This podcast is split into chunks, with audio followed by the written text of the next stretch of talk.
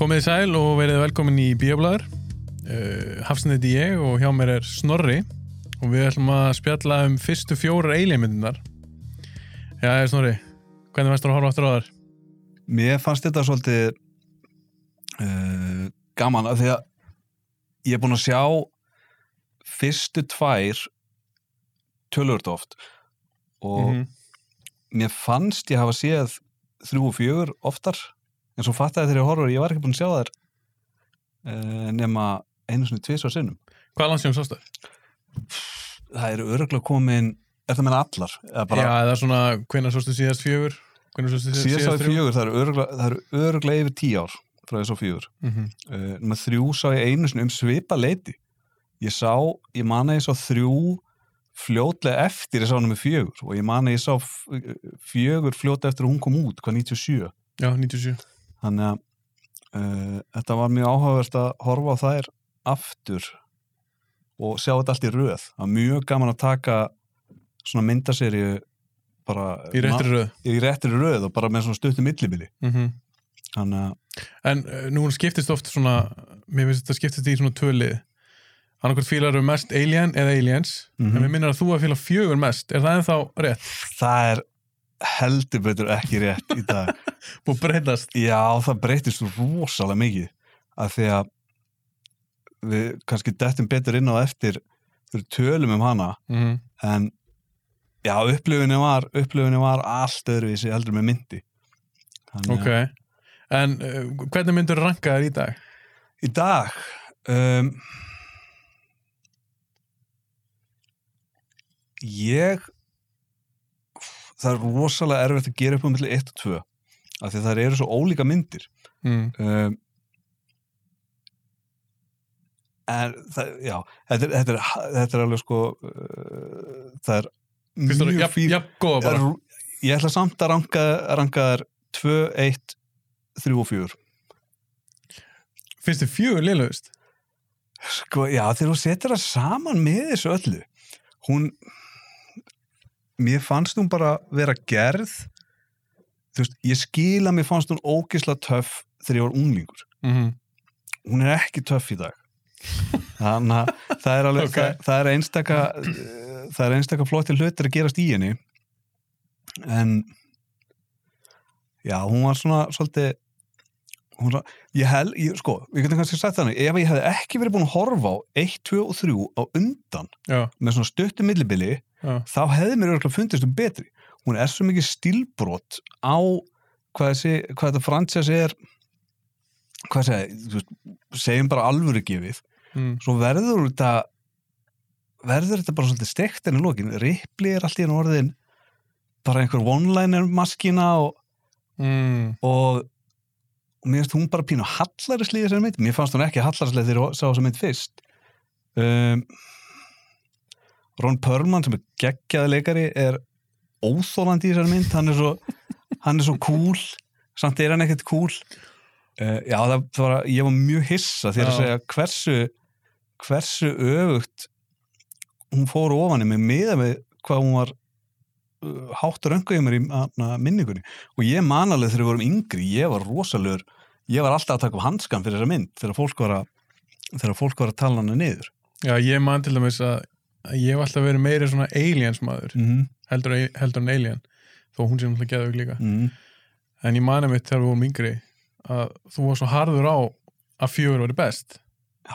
og þú veist, ég var alltaf að fíla hana samt þannig að ég var ekkert Já. eitthvað, við vorum ekkert að rífast um þetta Nei, nei, sko það sem að það er samt alveg fullt af flottum hlutum í henni þú veist, það er fullt af flottum atriðum og ég held svona á meðan ég er að tala, ég held að það sem að hafi svona stungið mig mest við þetta var þú veist maður byrjar hann á Alien sem er bara róleg, geðveikt andrúsloft þetta er svona þetta er old school væpin alltaf, þetta er gömul mynd mm uh, svo dettur yfir í þú veist, bara stríðsmynd svo dettur yfir í þess að ótrúlega blík og svolítið svona rólegu David Fincher mynd og svo ertu allir komin í svona hálfgerða svona komedi, þú Mm. veist, Mhm. svona einhverja svona hasar komedi sem er ekki búin að eldast nú vel þetta er flottu leikstöri sant uh, þú veist, gæðin sem ég gerði Amelie mm -hmm.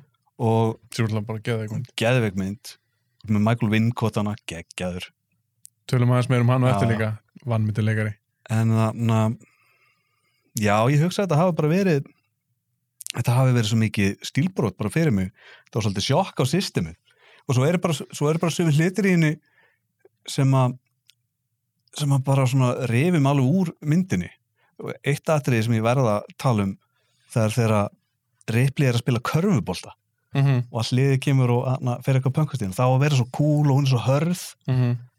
og það var bara svolítið svona já, mér fannst það cool þegar ég var unglingur mér, fann, mér, mér fannst það hattrið ekki nóg cool í dag Nei, og hann þannig að, nú man ég ekki okkur leikarinn heitir gæði með byssun og tvær sem eru faldar já, Jakkanum svartugur hans- já, Ég man ekki hvað hann heitir ég manna ekki heldur, svo leikan í hann að var hann ekki í CSI Miami eða eitthvað Jó, hann var eitthvað Það var svona svona hans- drasli já, það var svona eina sem maður hefur síðan að gæja að gera En mér varst hann alveg töff í fjör já, hann er bara, það kemur skot á honum þegar hann er að skjóta ég sá þetta allir tvisa núna þegar ég horfði sinna á YouTube myndband þarna um Alien Alien Resurrection eftir ég horfði á myndina Já, þegar hann er að skjóta úr byssunum það er komað hann út úr, út úr ermónum og hann er að skjóta, hann er með svo er hann furðulegan svip ekki svona einhver svona alvarlegur svona Nei, hann er svona hann er eins og hann sé að detta aftur fyrir sig hann er svona pínu, eins og skjóti fyrsta skipti bara já, þetta var, þetta var mjög þetta var mjög sérstækt En ef við förum kannski í Alien mm -hmm. af því það er svona fyrsta myndin og færum okkur sinni yfir í 2, 3 og 4 Mhm. Hvernig fannst þér að horfa á hana aftur, mynd frá 79? mér er þetta geðvegt hún að na, bara strax bara frá byrjuninni uh, tónlistinni geðvegt, hún strax byggir upp þetta andrúsloft um, Sammála og ég elska ég elska sko þessi sett af gameskipunum Þú veist, þetta myndi mér svolítið svona á na, uh, þegar maður sé startistróðurinn í Star Wars mm þessi svona fljótandi skot meðfram er alltaf, þetta eru bara mótil það var ekkert verið að vinna með eitthvað tölvugjart Nei, það er svona eldist líka fyrst mér mér vel finnst sko. þú mikill sjarmi yfir þessu gamla Sammála um, alls ekki ég sem eitthvað svona að pjúrist, pjúristi á gamla myndir allt, allt gamla er svo gott Nei, en það er bara eitthvað það er bara eitthvað við þetta þegar, eins og segir, þetta eldist svo vel um, og uh, eitt sem ég fílaði ógeðslega vel við hana er að það er, það er svo oft ekki tónlist tókst þetta í já,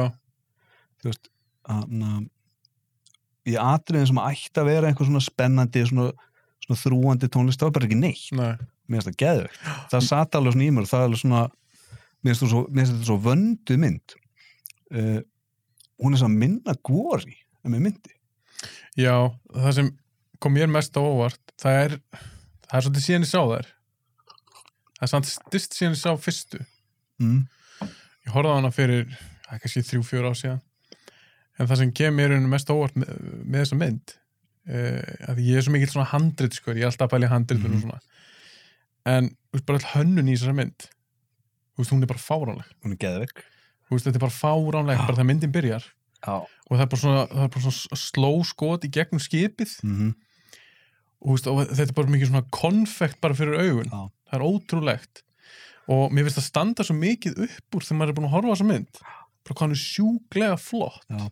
og hvað hún setur sko hvað þetta settir sann í þessari mynd setur tónin fyrir svona gritt í science fiction dæmi þetta svona realistic þetta var bara nýtt á þessu tíma ég þetta, er svo, svo, en, þú- þetta, er svo, fyrir ekki, þetta er svo pappi, hann fór hann í bíó úst, 79 eða Mm. 80 og úst, hann var bara blown away það var ekkit búið að vera neitt svona nei, svona skítugt, svona kannski aðeins meira realistik heldur til dæmis Star Wars eða já, Star ég meina Trek. eina, eina sem að kennst kannski nálætt þessu er uh, og alls ekki svona gritt í þá var þú veist 2001 Space Odyssey þú veist sem að var svona uh, raunverulegur geimur Já, en var það samt ekki miklu meira svona, það var svona fýtna jú en ég er að segja, þú veist svona, hana, þú trúir í þetta sé ekta Já, Þú veist- já, ég mitt Star Trek er svo mikið science fiction að það verður bara svona næstum Rugl. því absúrt þú Já. veist, Þú veist, ekkert að því gaman að því, en það er ekki mér finnst það ekki vera realistik, raunverulegt svona science fiction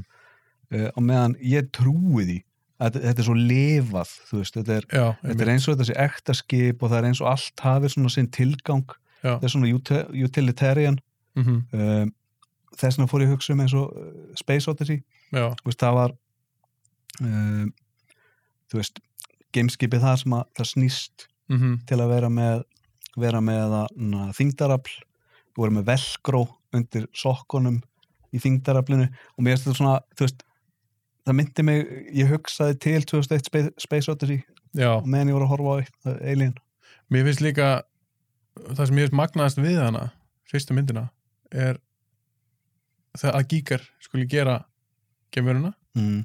og fullt af svona design dóti mér finnst það er eina best, það er best ákvörðu sem þau tóku og Ridley Scott var líka bara harður á því nei, hann verður að hanna fyrir mig uh, gemuruna já, og svo fekk hann henni til þess að- til þess að gera henni skipið sem Já, við já. finna og þú veist bara hönnunin á, þess- á þessar gemuru ég er bara keðveik þú veist, þetta er bara, svo, þetta er bara tímalist líka þetta verður ennþá töff eftir 100 ár það er bara alveg staðarind og mér finnst þú töff, ef mér það er ríðlis gott hafa bara sagt strax, bara þegar hún var bent á og gíkar, bara já, það er bara værið þessu guður það er bara enginn annars sem getur greina ég er bara eðlilega, hann hefur bara séð hvað maður var að gera og já, og hann Þetta er sagði vist bara líka fitta. bara ég vil bara fá þetta, Já. gíkar ætlaði bara að ekki hann eitthvað nýtt fyrir, nei ég er bara að fá þetta Já. hann var búin að gera eitthvað svona, bara með svona sterka sín fyrir já, þetta. búin að gera eitthvað svona bók já, já, já, já. þannig að mér mér finnst það mitt það kemur svo svakalega vel út af því að þetta verður svo eins og gameskipið af því að hann hannaði það svolítið sem við Mhm. finna með hann space jockey og það dót. já, já.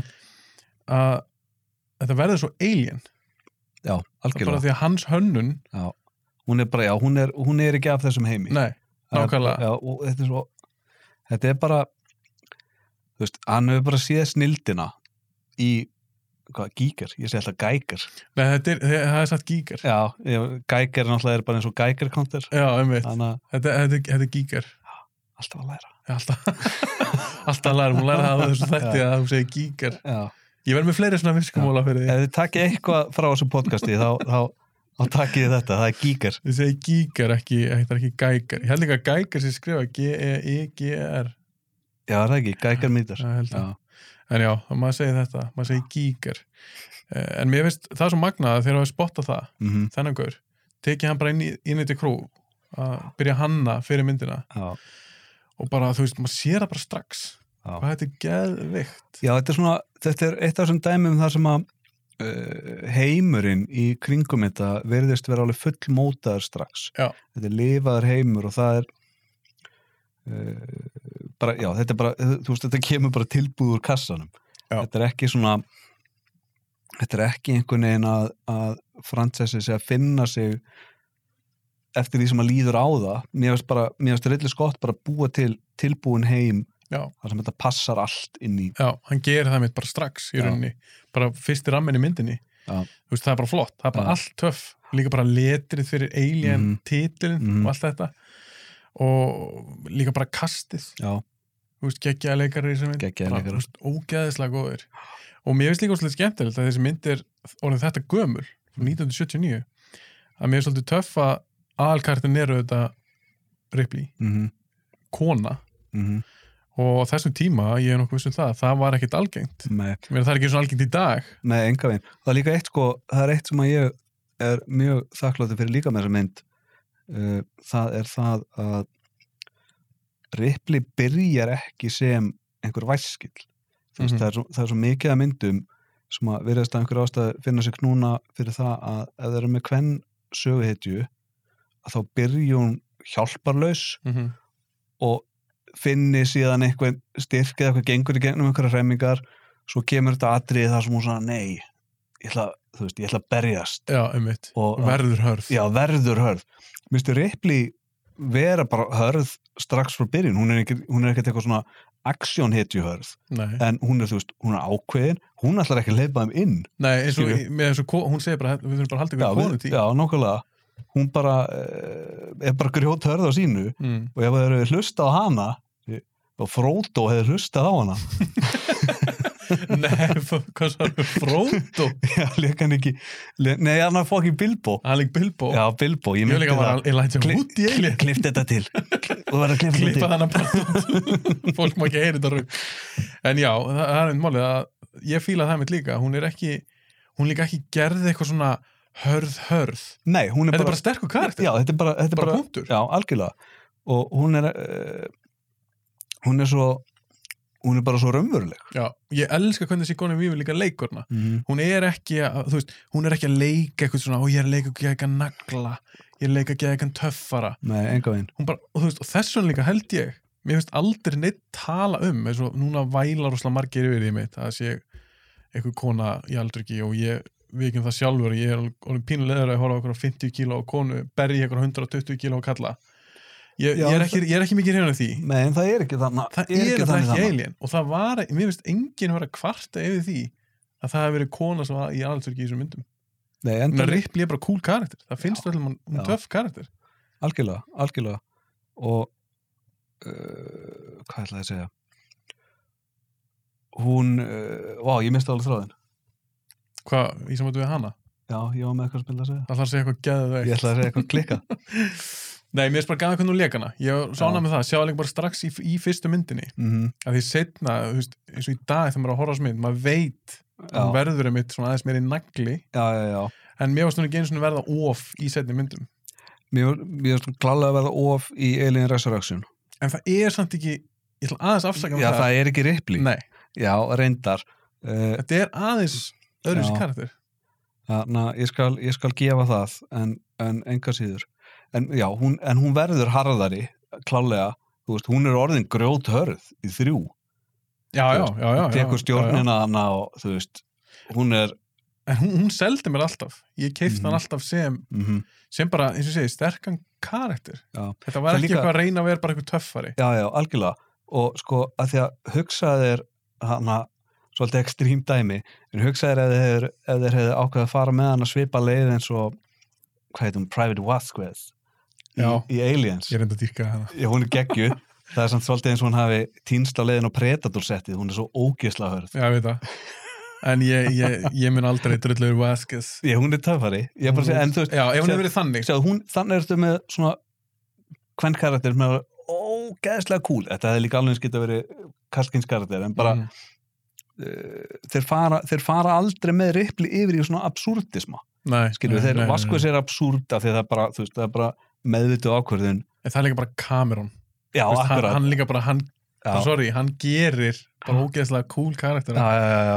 Og líka bara svona konur, eins og Sarah Connor í já Terminator. klálega, klálega Uh, en ég skil hvað þetta en er. ég fíla, Það hann, er- hann fer ekki með, hann fer, ripli fer ekki þangað Nei. ripli, ripli er alltaf ripli Já, ég, ég er sammála og mér fannst líka cool hvernig hann gerir það með í tvö. Uh, mér fannst líka svolítið flott eins og í fyrstu, hún er, þetta er svona pínu slow burn mynd mm -hmm. það kannski ekki hún, hún er ekki beint hröð mér Nei. leittist aldrei, mér Nei. finnst hann ekki hún langdrein er bara svo flott hann er svo góð líka að byggja upp geðveikt andurslóft -hmm. og það er alltaf með öllu bara soundeffektunum, tónlistinni eða til dæmis hafa ekki tónlistum talar um aðan Mm -hmm. uh, setdesignið Já, ég elska þeirra kötturinn að þeir, ég er að hugsa um atrið með sem er engin tónlist í Mm. þeirra kötturinn er að horfa á Harry Dean Stanton drepin, já, það, einmitt. það er geðvegt það er atrið bara sko. geggja veist, við fáum bara að horfa á köttin horfa á hann drepin, mér finnst Já. það geðvegt það er geðveikt sko.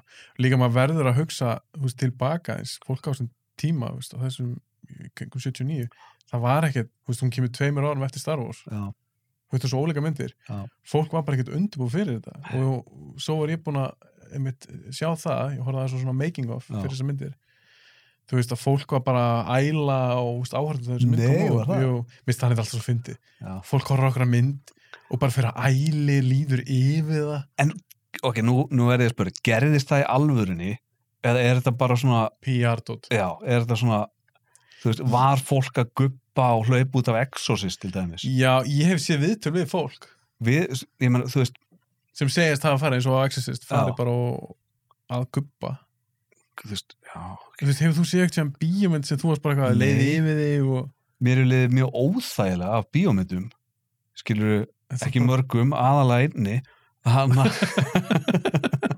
hana, Þú verður að segja hvað mynd það er?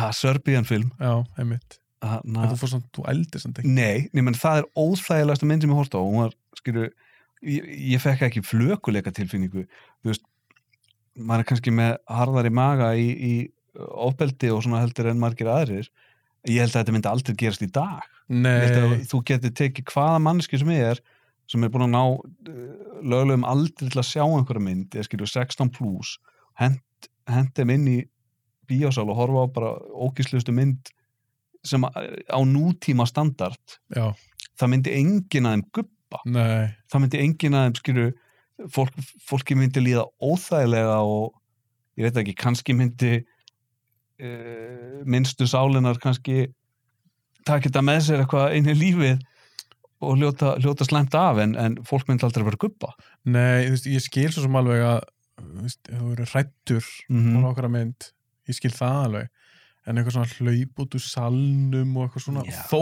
að fólk hafi ekki búin að sjá þetta á sínum tíma það var svona alveg nýtt, -hmm. þá finnst mér þetta samt svo eitthvað, ég meina, þetta er bara, þetta er bara bíómynd Þetta er bara bíl, og þetta er líka ekki það grós Nei, en þá kannski verðum að líka þú veist, allar sem myndir sem þú er búin að sjá eftir þessa Já, já, eru búin, að- eru búin að slípa mann svolítið til, sko Já, ég er að segja það, þú ert aðeins þú, þú ert svona miklu vanar heldur en hinn- hinn almenni borgar á 1979 sem fór í bíó Strákurinn er svolítið sjóað þú ert sjóðar í þessu þú ert tölvöld sjóðar heldur en sérstaklega fólk á þessum tíma Já, alveg klálega alveg klálega, ég er bara eins og, þú veist, ég segi bara spurningamerki við þetta, þú veist, þetta verðist líka bara að hafa verið á þessum tíma, 70 eitthvað, þar sem allir voru bara guppandi og hlaupandi út í bíó, þú veist, ég bara kaupið þetta ekki, Nei, og svo, og svo alltaf svo þegar þú veist koni 1980 og eitthvað, þá var líka komið þess kannski meira af einhverjum alveg hryllismyndum Já, já. og einhverjum slassermyndum og svona ég, þú veist segi þetta kannski frekar við fly þá kannski er fólk að guppa með Goldblum, já Veist, það er svona miklu líklegar heldur en alien svona body horror já, Já, já, já, ég, ég, ég, ég skil það alveg sko. og ég líka skil aðeins frekar kannski Exorcist heldur en Alien. frekar, já, frekar, miklu frekar af því að þú veist, þú veist, ef þú ert eitthvað stráng trúaður og þetta bara fer bara Fyrir hjartað á þér. dýfst inn í sálina á þér Já, þið finnst þú hafa bara verið að horfa á eitthvað þá ælur eða hleypur út úr salnum uh, en það er líka eitt atrið í þessari mynd sem er uh, bara svona klassist atrið mm, það er þetta þegar að það er chestbuster atrið já, þegar hún kemur út um bringun á John Hurt já, og líka það sem ég er líka magna við þetta atrið maður er kannski gætna á að gleyma því mm. það er svo, svo gaman þegar maður rifur upp svona eldri myndir að fólk vissi ekkert hvað var að fara að gerast þannig nei, þú veist, ímynda líka bara á þessum tíma þú veist, internet var ekki til hana já, og þú veist, þeir voru öruglega ekki alveg að bomba einhverjum spoiler trailer með þess að ég ger í dag mm -hmm. svo ferðu bara í bíó á okkur science fiction mynd Já. í fyrsta líka bara þegar að facehuggarinn kemur þú veist, maður hefði bara verið hvað er í gangi, hvað er Já. að horfa á svo springur hann út úr broskassum á John Hurt og bara allt við þetta atriði já, geðvegt þetta, þetta, er, svo, þetta er svo gott atriði já, æðislega bara allt við það, líka bara hvernig leikarnir bræðast við því þetta gerist þú veist, þeir, Mhm. var ekki anna, uh, mögulega með að mismenna eitthvað var, var þetta eitthvað, eitt af þessum atriðum þar sem að fólki var ekki sagt hvað var að fara að gerast svona, svona bæð og þau náttúrulega vissu að þetta væri að fara að gerast þetta lásið handritið já, já, já, þannig að þetta er vist búin að vera eitthvað svona orðróm, orðrómur um að þeir hafa ekki vita að þetta væri að fara að gerast og eitthvað svona en það sem kom þeim kannski á óvart var í fyrsta lagi lætin mm. þetta var vist alveg svolítið svona eins og spre, hálfgerð sprenging þegar að geimverða kemur út já ok og svo spýttu svo mikið blóð uh, fólk hefur bara já, fólki í rauninni það brá bara virkilega mm, sérstaklega einni Veronica Cartwright sem leikur Lambert, Mhm. hinn konan þú veist, maður sér á andlun hennar þú veist, henni er virkilega bræður sko. já, já, já, þú veist, þetta var alveg alvöru já, hún já. var ekki að leika það, það moment en það mitt gerir þetta svo töff atriði Mm, spýtist náttúrulega blóð út um allt og svo hleypur litla skrimslið já. út af, bara út af rammærunni virka samt pínu eins og þetta sé svona svona lítill kappaturspil já, Mm. reyndar, reyndar þú veist, En- en maður fyrirgifur það þetta er, þú veist, þetta er Þetta- orðin þetta er 41 og skumul minn já, ég er pældi því, hún er orðin það gömul en já, þetta er svolítið svona svo kaffarspíl sem svona brunar út af borðinu, það er pínu fyndið svo líka er skrimsli sjálft svona pínu það segir líka Mhm. já, einmitt, svona eitthvað svona hljóð í því og það er ekkert svakalega skeri en það sem gerir þetta svolítið svona skeri atriði er allt í kringu það, blóðið Mhm, viðbrun hjá mhm. uh, kastinu og bara hvernig hann klippir þetta allt saman og hljóðin líka Já. eins og þegar hann s- springur út um brjóstið á, Mhm. á John Hurt þú veist, ég bara það er, þú veist, það er ekkert ástæðalösa þetta, s- þetta er eitt af þessum klassísku atriðum já, svo íkonísku algjörlega Já. Þú veist, ég hugsa að þetta kemist alveg á auðvitað top 10 top 20, 20 allavega Mhm. hefur svona bara klassísk atriði sem ég, ég mun- ég vil líka meina það alveg saman hvernig að horfa á þessar mynd þetta mun alltaf vera áhrifaríkt atriði Já, klálega. Þetta er bara, já, þetta er bara ótrúlega vanda. Þetta er líka, þetta, þetta er hvernig þetta er sett upp, það er allir að hafa gaman hana. Þú veist, myndi, myndin byrjar á þeim öllum saman, var það ekki? Nei, hún byrjar á þau vakna úr potunum, Já. svo eru þau öll saman í kaffetýriðinni já, já, mér, að hafa svolítið gaman. já þannig að fá við- sem morgum að Já, við erum sem, við sem áhörundur erum svolítið sett aftur í þetta öryggi, skilur Já. að, að það er allt í lagi, þau eru bara, þú veist, Já, þau eru bara að skemmta sér og lifa lífinu eða skemmta sér, þú veist, þau eru bara það er ekkert að, nei, þú veist, það, það er allt orðið aftur normal, já, alltaf ekki til líkingu við já, og það svo sem allt í gerist einu síðan. Já, svo allt í einu eru við rifin úr þessu þessu falska öryggi Já. og þess vegna er þetta svona, já, ennþá áhrifur ykkur og það sem er líka svo töff er að þeir, þeir hann, Ridley Scott, hann tegir þetta aðeins, eða Ridley Scott og handri söndanir mm. að það sem gerist er að hann fær faceökkurinn á sig svo kemur, og þá náttúrulega er hann bara eins og hann sem meðendalaus Mm svo kemur hann aftur um borð í skipið og hann liggur þar með drasli á sér í smá tíma allavega -hmm. það er þannig nokkuð svona skot og þú veist, það líður eitthvað smá tími já, við erum líðalega það líður Dá einhver tími, góður tími. Já, allan í, í myndinni sjálfri Já. virtist vera mm og, og svo bara vaknar hann bara fínulega með hann já, Bara bara fínlega songur. með hann já, nákvæmlega, bara songur og þá er bara eins og það er allir góðu mm þú veist, ef að testbörstótið hefði komið bara leið og hann hefði fengið á sig feysökurinn já, þá erum við ennþá í viðbrastöðu sem áhörendur já, þá er ekki það, það, það er ekki eins áhrifring já, og mér finnst það svo ógeðslega flott og að þeir skuld, að hans geta haft í rauninni vit á því að gera allir svona byggja svona mikið upp mm já, þetta er bara fagmaður já, algjör- algjör, algjör fagmaður svo líka bara eins og með hann þetta, þetta var önnu myndin hans nú, vá, hann gerði heldur bara eina mynd minni mig já, á undan svo gerði hann þessa mynd og úst, því líka fagmaður Já. ég, úst, ég er með svona love-hate samband við Ridley Scott já, já. ég fíla ekkert allt sem hann hefur gert en hann er svona snillingur sem Mhm. maður og hann hefur gert rosalega mikið af góðum myndum og bara þessi mynd hún, hún, bara, hún, el- hún eldist líka svo svakalega vel Já. og þá komum við líka inn á svolítið mótelin Mm. mm. með mótel, það er ekki eitthvað eitthvað tölvu gert át Nei. ég meina þú horfður á þessa mynd frá 79 hún eldist vel, en, það, en Mhm. þetta er dag er hún flott en þú horfður á Phantom Menace Ó, frá Jesús. 99 Já.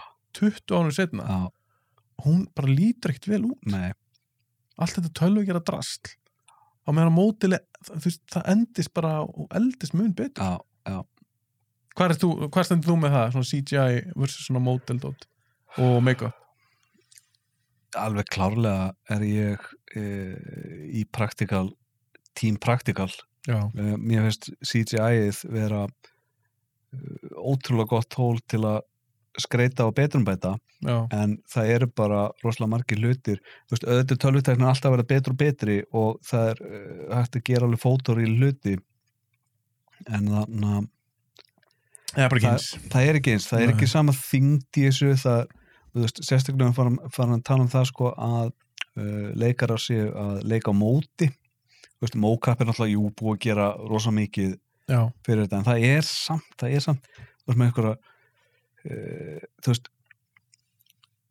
nú er hann að uh, hugsa upp eitthvað dæmi, ok manstu í Alien 3 mm. það, þú veist, það er náttúrulega það er náttúrulega bara besta dæmið þar, þar sést þetta þú veist, sorry, ég segi að skipa, skipa svona fram en þar sést þetta bara svo svart á hvítu af því hún, þú, þar ertu með gemveruna í glötuði CG já, á köflum, já, þar sem hún hleypur eins og eitthvað bara, ég, þú veist, bara Jésús Já.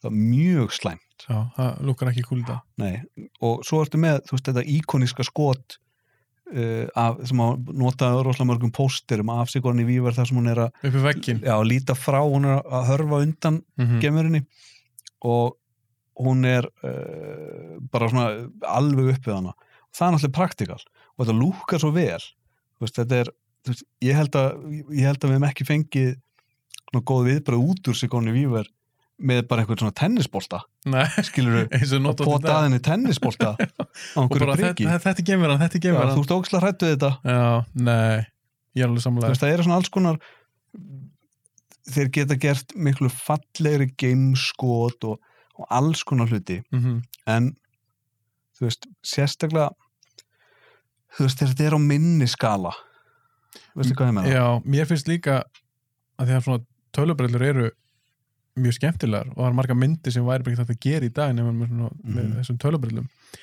en mér, það er eitt sem mér finnst bara ekki passa saman Mm. og það er horror Já, 100% samanlega og tölubrellur Já. það er ekkert skeri Nei, við við eitthvað pixla tölvugert skrimsli Já. Þú veist, ég er ekkert rættið við eitthvað teiknumynd Nei, þú veist, það er miklu flottara að hafa Þetta er- þess vegna til þess að svo The Thing mm frá, ég held að sé 82 Já. John Carpenter þú veist, Já, hún hún- er geðveik Já, hún er ennþá mjög upp, bara unsettling Já, að þú ert með, ok, þú eru dúkkur og eitthvað svona animatronics dæmi Já. og make-up. Já, en þetta er, þetta er physically þannig. Já, þetta er á staðinum og Mm. það er bara svolítið annað heldur en Mhm. eitthvað bara, e- eitthvað, eitthvað teiknað. Já. Þó að þetta sé orðið eitthvað svona, þú veist, þeir eru farin að geta gert líka bara fotoreal dót í dag. Mér finnst bara horror og svona, Já. mér finnst það bara ekki passa saman. Ég er samanlegar.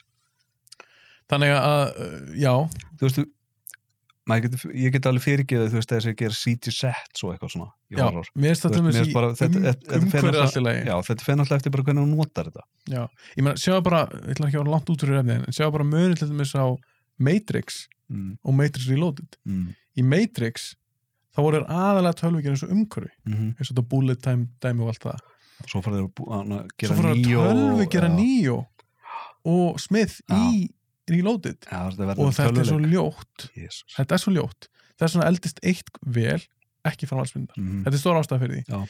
en já, ég ætlaði ekki að fara svona svakalega off track uh, en yfir höfuð Mm. þú sagðir áðan að þú væri svona mitt á milli 1 og 2 Mhm. gætir þú aðalega á milli þeirra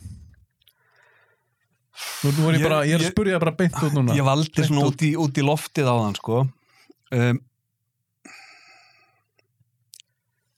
Það er rosalega erfitt af því að þetta, þetta, fer, svo- þetta fer rosalega eftir bara hvaða mynd væri ég til í að horfa á á þeirri stundu Veistu, það eru sumar myndir sem er, er, er ég til í, til í svo, slóburner eða er ég til í hasamynd myndur þú setja hlið við hlið bara í í rauninni, rauninni af þau bara því að- eitthvað stöðu út í það er svolítið þannig að þetta eru báðar mér finnst þess að myndir vera báðar alveg frábærar í því sem það er ætluð sér að áorka og það er gera það báðar fullkomlega ég meina Aliens er svakaleg hasamynd sérstaklega á þeim tíma sem hún kemur út mm þú veist, ég var svona, það hlakkaði í mér um en ég voru að horfa á hana að því ég fór svolítið að hugsa sko þú veist, ef þessi myndi hefur gerð í dag þú veist, ég fór svolítið svona að hugsa ef Mhm. mm kameran hefði gert þessa mynd í dag þú veist, ég myndi hvað þetta hefur verið mikil bomba, Já. þú veist af því að náttúrulega, auðvitað er hún aðeins uh, að manni finnst uh, niður tónaðri heldur en margar hasamyndir í dag af því við erum orðið vön svo mik mikil, mikil geðviki,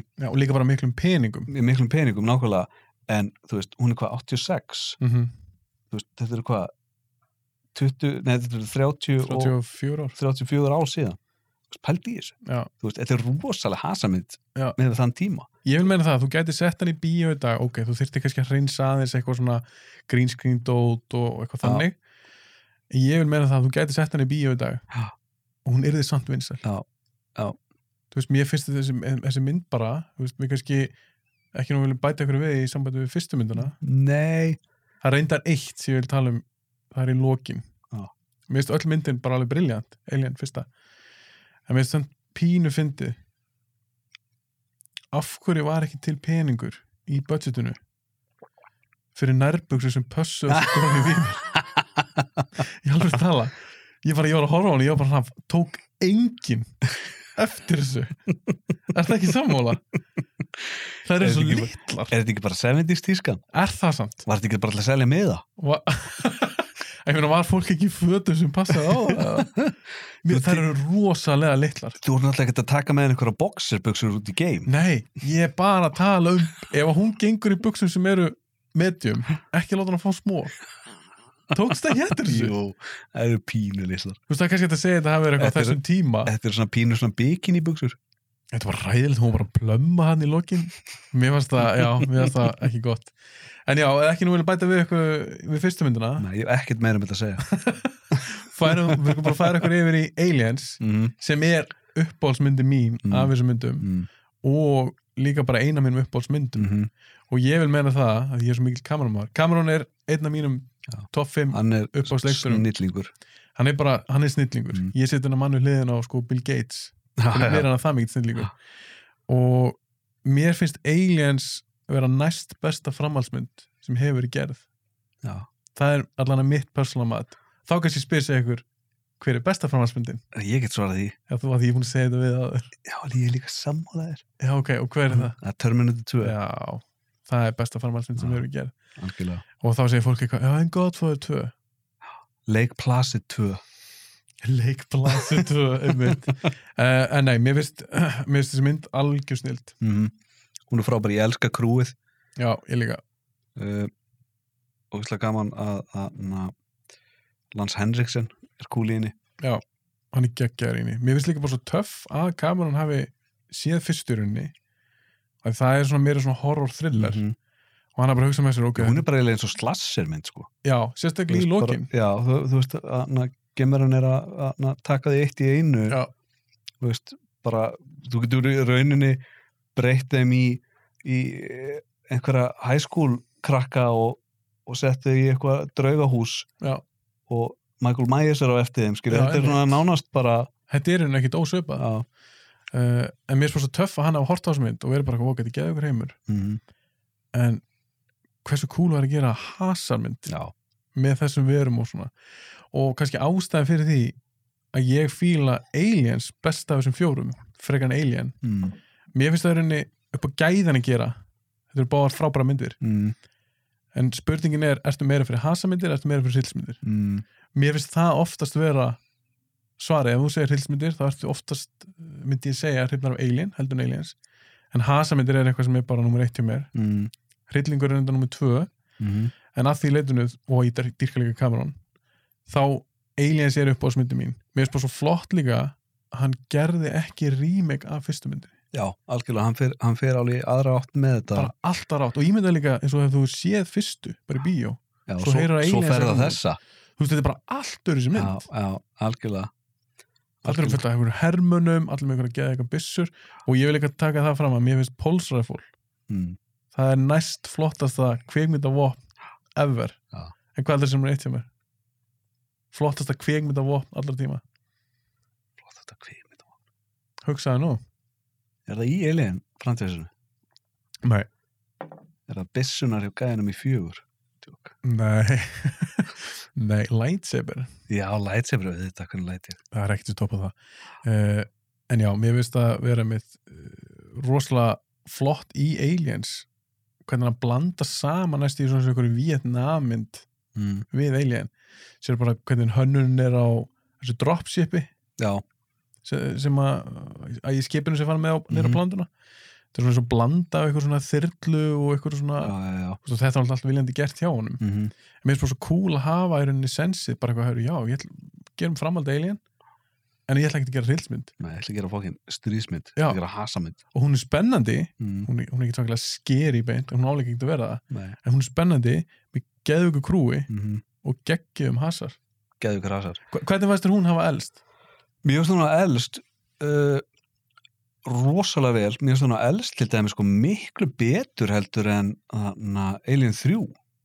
Ok, bara að, na, að, þú veist, og náttúrulega stór partur af því bara er að e, það sem ég er að tala um áðan með CGI gemur hana, það rýfum hann svakalega mikið úr myndin alltaf hann kemur já, uh, en mér finnst hún uh, ég veit ekki eiginlega, þú veist, hún hefur elst það vel að það eina sem að maður myndi breyta en eins og þú segir, það þyrfti bara að pólisa uh, bara nútíma væða kannski hún, uh, hvernig hún er skotin og miksuð og já, þú veist uh, hún væri örgulega svona aðeins trilltar í dag en, en hún er, ég veit það ekki hvað og það er eftir að gera mikið betur við hana svona á grunnlefali nei, ég er svolítið samanlega, ég heldur getið tekið bara þetta handrit og svona, og hal, haldið því, og þetta er aðalega bara svona tæknabrillunar. þetta, er, já, þetta, er meira, þetta er meira bara sko að teknin er búin að fleita svolítið fram Já.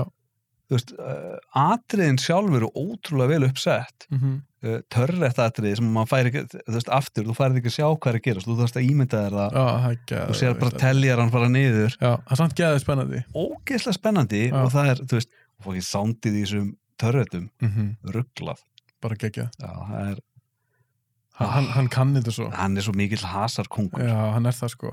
Mér finnst líka bara svo töff. Mér finnst í rauninni, ég verði að nefna það, mér finnst James Cameron vera ekki bara snilling- snillingur, heldur mér finnst það vera mesti töffarinn í Hollywood. Það er í rauninni tvær ástæð fyrir mér finnst það. mm. Númer eitt er að þetta er fyrsti leiksturinn sem gerir mynd sem kostar 100 miljónu dólara.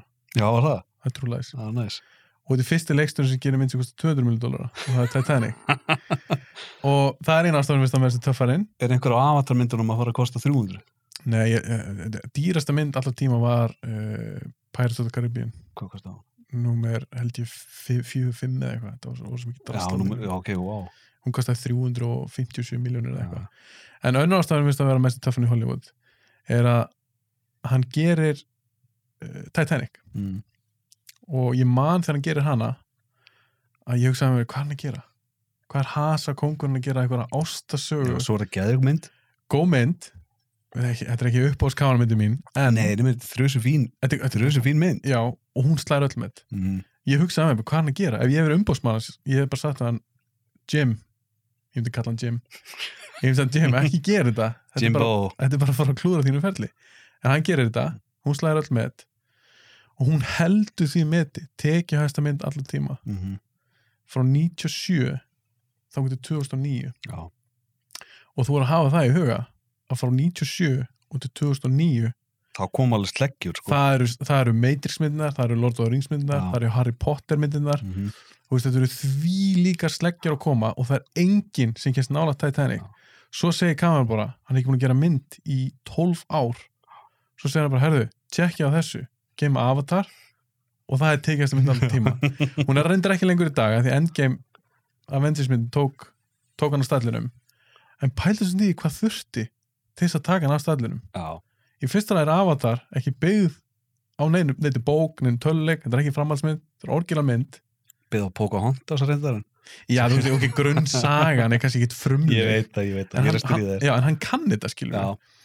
Þess vegna Þetta er bara mesti master töffarinn í- storyteller Hann, hann er það, og Já. það sést líka svakalega í aliens. Já. Ég meina, hann var búin að gera Terminator 1, hann var að gera þessa mynd. Mhm. Og hann fekk hérna þetta starf út af Terminator, að Mhm. fá að leikstra aliens. Og mér finnst hann að staði sér bara svo ógæðislega vel. Sammála. Já. Ég er hann að sannfara um að þetta sé besta mynd. Ég er hann að koma þér yfir á aliens, frekar en alien. Nei, ég, þú veist, þetta er kannski bínu cop-out Þannig að Að velja báðar. að velja, þú veist ég á bara svo rosa af því, að, þú veist, þetta er kannski eitthvað bara hugsanavilla hjá mér mér finnst þetta bara, af því þetta eru svo tvær ólíka myndir þá finnst mér þetta að vera Er þetta að byrja svona saman, eða láta þær keppa?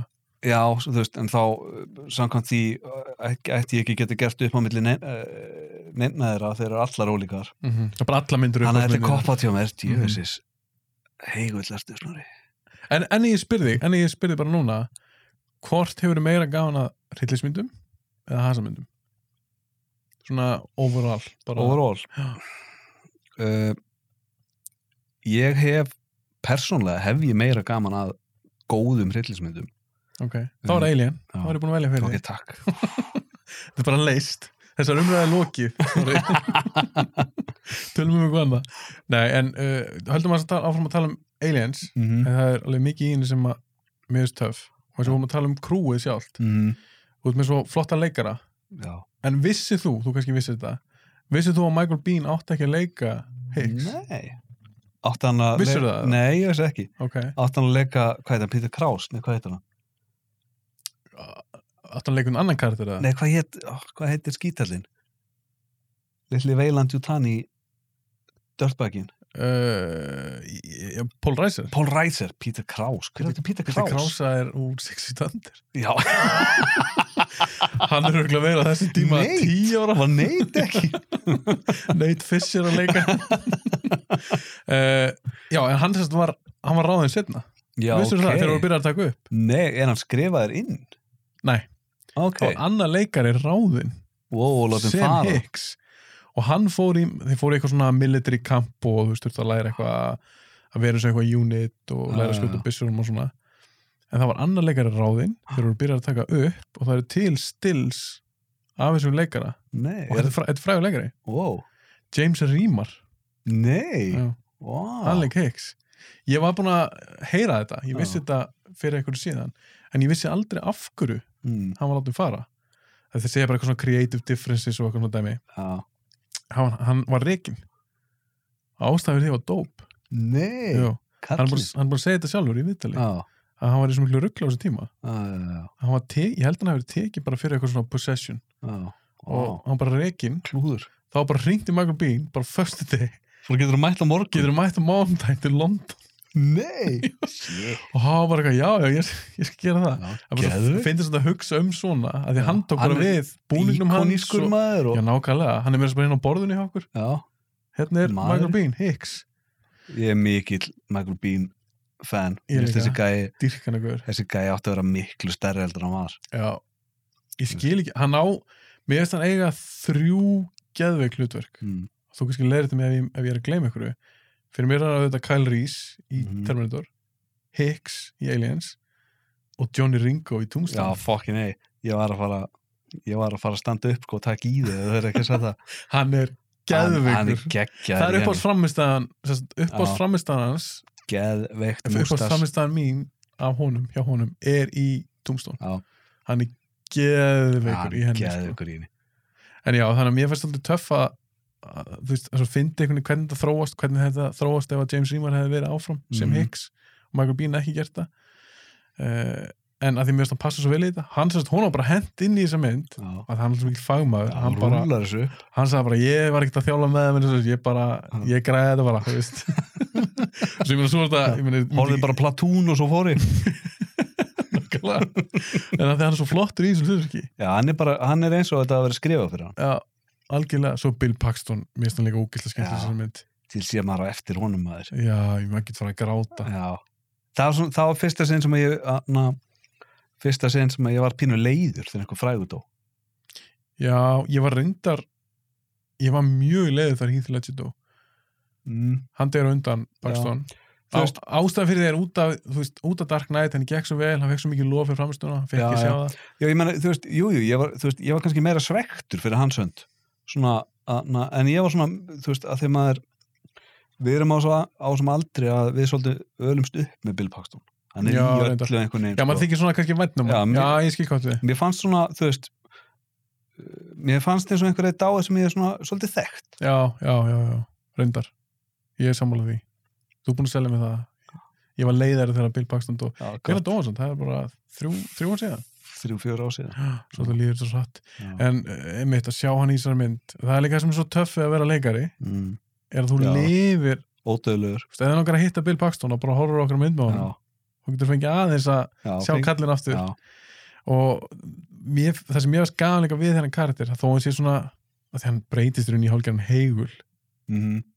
þú veist, hann bara eitthvað, game over man, game over hann er náttúrulega hegur frá byrjun það er náttúrulega, já, hann, samt svona, hann, hann, hann, hann, hann, hann, spilar sér miklu harðari já, hann getur ég samt trúið ekki að hann hafi verið einhver heigul fyrir þetta Nei, byssu. að nei, þetta var nei. eitthvað svona special forces unit já, já, þú veist, hann var það er kannski fulla harst að kalla hann hegur en hann var ekki hann harður og hann lét út fyrir að vera Michael Nei, Bean sem sagði ekki orð, hann var harður það er líka alveg töffarnir þurfi Já. ekki að segja þessu já, ég er að töffarar. segja það Já, ég, ég, ég ger mig grein fyrir því en svo var hann líka alveg svona, hann var svo svakalegur heigull í það er, svolítið rauninni bara, það er svolítið bara hann átta sig bara á stöðum ála, þetta er bara óvinnandi dæmi Já, en hann er samt, það sem að gæti kannski gaggrínt hann fyrir er að ef þú ert eitthvað svona military gaur þá þarfst að halda kúlinu þú þarfst að halda kúlunu, Já. þú veist að hitta ykkur gemverur já, já, já, þú veist, ég meina, ég, ég- ég get alveg séð fyrir mér ef myndu senda, ef myndu senda eitthvað Navy Seal lið í dag, þeir myndu hitta þetta lið þessar gemverur, mm. ég heldur myndi ekkit fara að panika og grenja og, eða skilur Nei, hvað ég við, býst ekki við því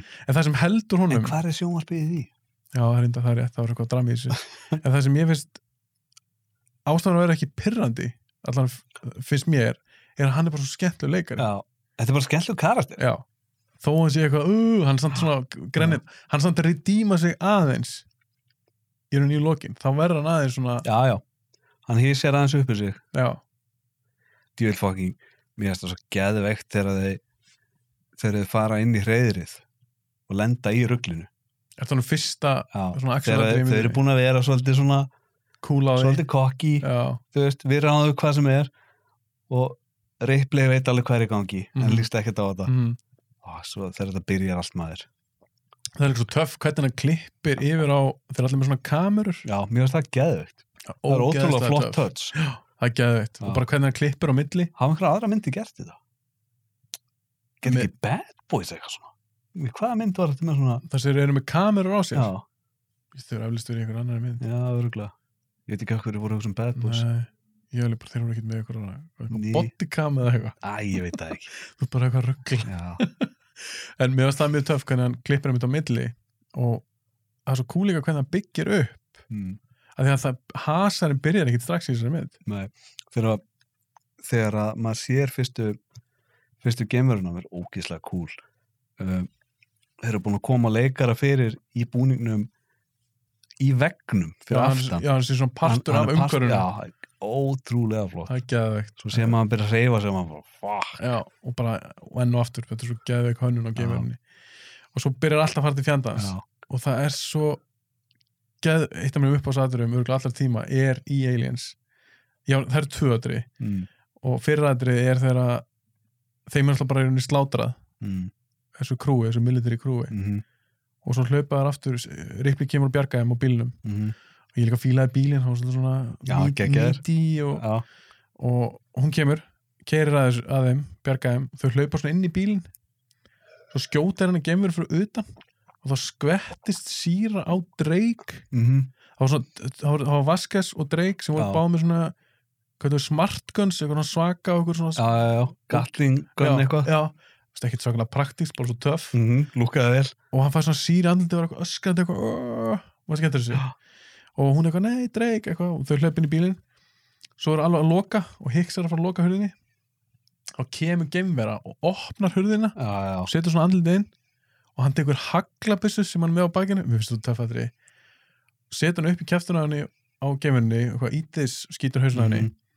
í alvegni, þegar ég sé svona atriði þetta er eins og ef þú getur sett hamingju já, í já. vökvaform, þetta er grjótart þetta er eins og að myndir hella bara honi mig, ég myndi bara drekka hamingju, ég fæ bara svo mikið út úr því þegar svona atriði og líka kamerun er svo ógeðslega góður hann er Ah, svo Ég góður í gera þessu töff svona atriði, Já. þetta hefði getað hallarslegt Mhm, en bara hvernig Michael Bean er sett, úst, eitthvað í þess þetta Já. hefði getur verið svo glatað en í þessu mómenti, þá, úst, klikkað. þetta er svo cool ég, enn þann dag í dag, ég múið sjá sem einn miljónsunum enn þann dag í dag er ég bara, þú veist, ég fæ alltaf bara bros Já, ég byrja bara að brosa, hamingju brosi en svo er líka Lance þetta er bara Henriksen nammi La- Nammi, Lance Henriksen í þessari mynd hann Það er eru geggjaður Það er, en að því við erum að tala um Alien, það eru tvei leikarar ég held þessu það eru tvei leikarar sem er sölustu rödd, eða rattir sem ég bara aðeins mér heist, það Mm. er Lance Henriksen og Michael Wincott síðan í nummer fjögur Já, Jésús, hann er svo cool rödd. en Henriksen er líka með geggjaða Já, rödd hann er geggjað. hann er bara ekki eins svalur í útliti eins og Wincott Hann er svalur samt líka. já, já, hann, hann hann, er er, svona, hann er cool þeir eru báðir, þeir eru báðir svona ljótir menn, en þeir eru samt ógeðslega cool. já, já, ljótir Nei, ég skilju, þú veist, hann, Guðu dómharður. nei, veistu hvað ég meina? Þetta er- Þeir- ok, þeir eru við- ekki- við þetta er getum ekki svona við getum Hollywood Nei, við getum pr- ekki, pretty ekki boy. sagt að þetta séu, ekki sagt að þetta séu sérstaklega uh, fallegi menn, þetta er ekki pretty boys, þetta eru, Nei, þetta er eru- ekkert- þetta er þú veist, ekkert Chris þetta- Hemsworth Nei, þetta eru, þetta, þú veist, þetta eru kallmannlegi menn, þú veist, þetta eru uh, þetta eru bara ekki mjög, þetta eru ekki pretty boys en þeir eru svo alls ekki, ótrúlega svalir mjög Nei. svo er svo er hitt atriði ef ég fer aðeins fram í söguna, í sögunni það er þegar ge- eh, drottningin reikur hann á hól með skottinu Hann er Já, svo- í, í skipinu, í, já, það geðveikt er svo cool og atriði liftir honum Ég elska, ef við tölum aðeins um þarna andröðana mm uh, hún, hann rífur hann hana í sundur ég elska gúpið inn í þeim já, það er svo, það er svo þarna, þetta er svo mikið eins og innefli þú veist, þetta er, samt er þetta svo samt er þetta svo artificial og já, eitthvað og bara ég elska hönnun á því, Já. ég man og þarna, ég er alveg það er sammála. eitthvað sem að sat alltaf í mér svona, svona aftast í höstnum á mér mér fannst þetta, þegar- að, þú veist, maður sér þessa myndi þegar maður er mjög ungur uh, og þetta er einhvern veginn svona sat alltaf í mér þessi hönnun, ekki eitthvað að mér finnst þetta ógeðslegt eða eitthvað mér fannst þetta bara svo áhugavert, mér fannst þetta svo, bara svo flott, ég er alveg sammálaður, mér finnst líka ég hef alltaf elskað þetta hvíta dót já, litin á þetta- eins og segja, þetta gúp, þú veist en málega þetta er bara mjólk er þetta bara mjólk? já, ég held um þetta Vá. þú veist, þetta lítur út þessu mjólk en ég held einhvern veginn að þeir væri með eitthvað svona, þú veist, eitthvað gervidót sem að- ég held þetta væri eitthvað þykkt, þykkara þetta er, þetta er alveg bókamál mjólk sem er upp í honum þegar hann er að guppa þessu upp úr sér aftur og aftur já, en ég, þetta er aðeins þykkara það sem er inn í þeir nota jógurt líka stundum já, er það ekki, það, já. já. en mér spyrst að finna þér að nota m- alvöru mjólk Já. hann ætla bara að geta easy fix eins og fyrir Henriksen að vera tjöka bara mjólka því að það koma hann að þrjú, þrjár klippur á honum í röð eitthvað blá. já, já, það er, það er alveg rétt mér finnst líka töff að kameran hafði eh, Bishop sem góðan, já, af því að Ian Holm var vondur í já, og við fyrstu- sem áhörundur alveg bara já, hvað á við sig- treystum ekkert þessum hvað á andröðs hann eftir að gera já, þessi af því við erum eitthvað búin að sjá hann Ha.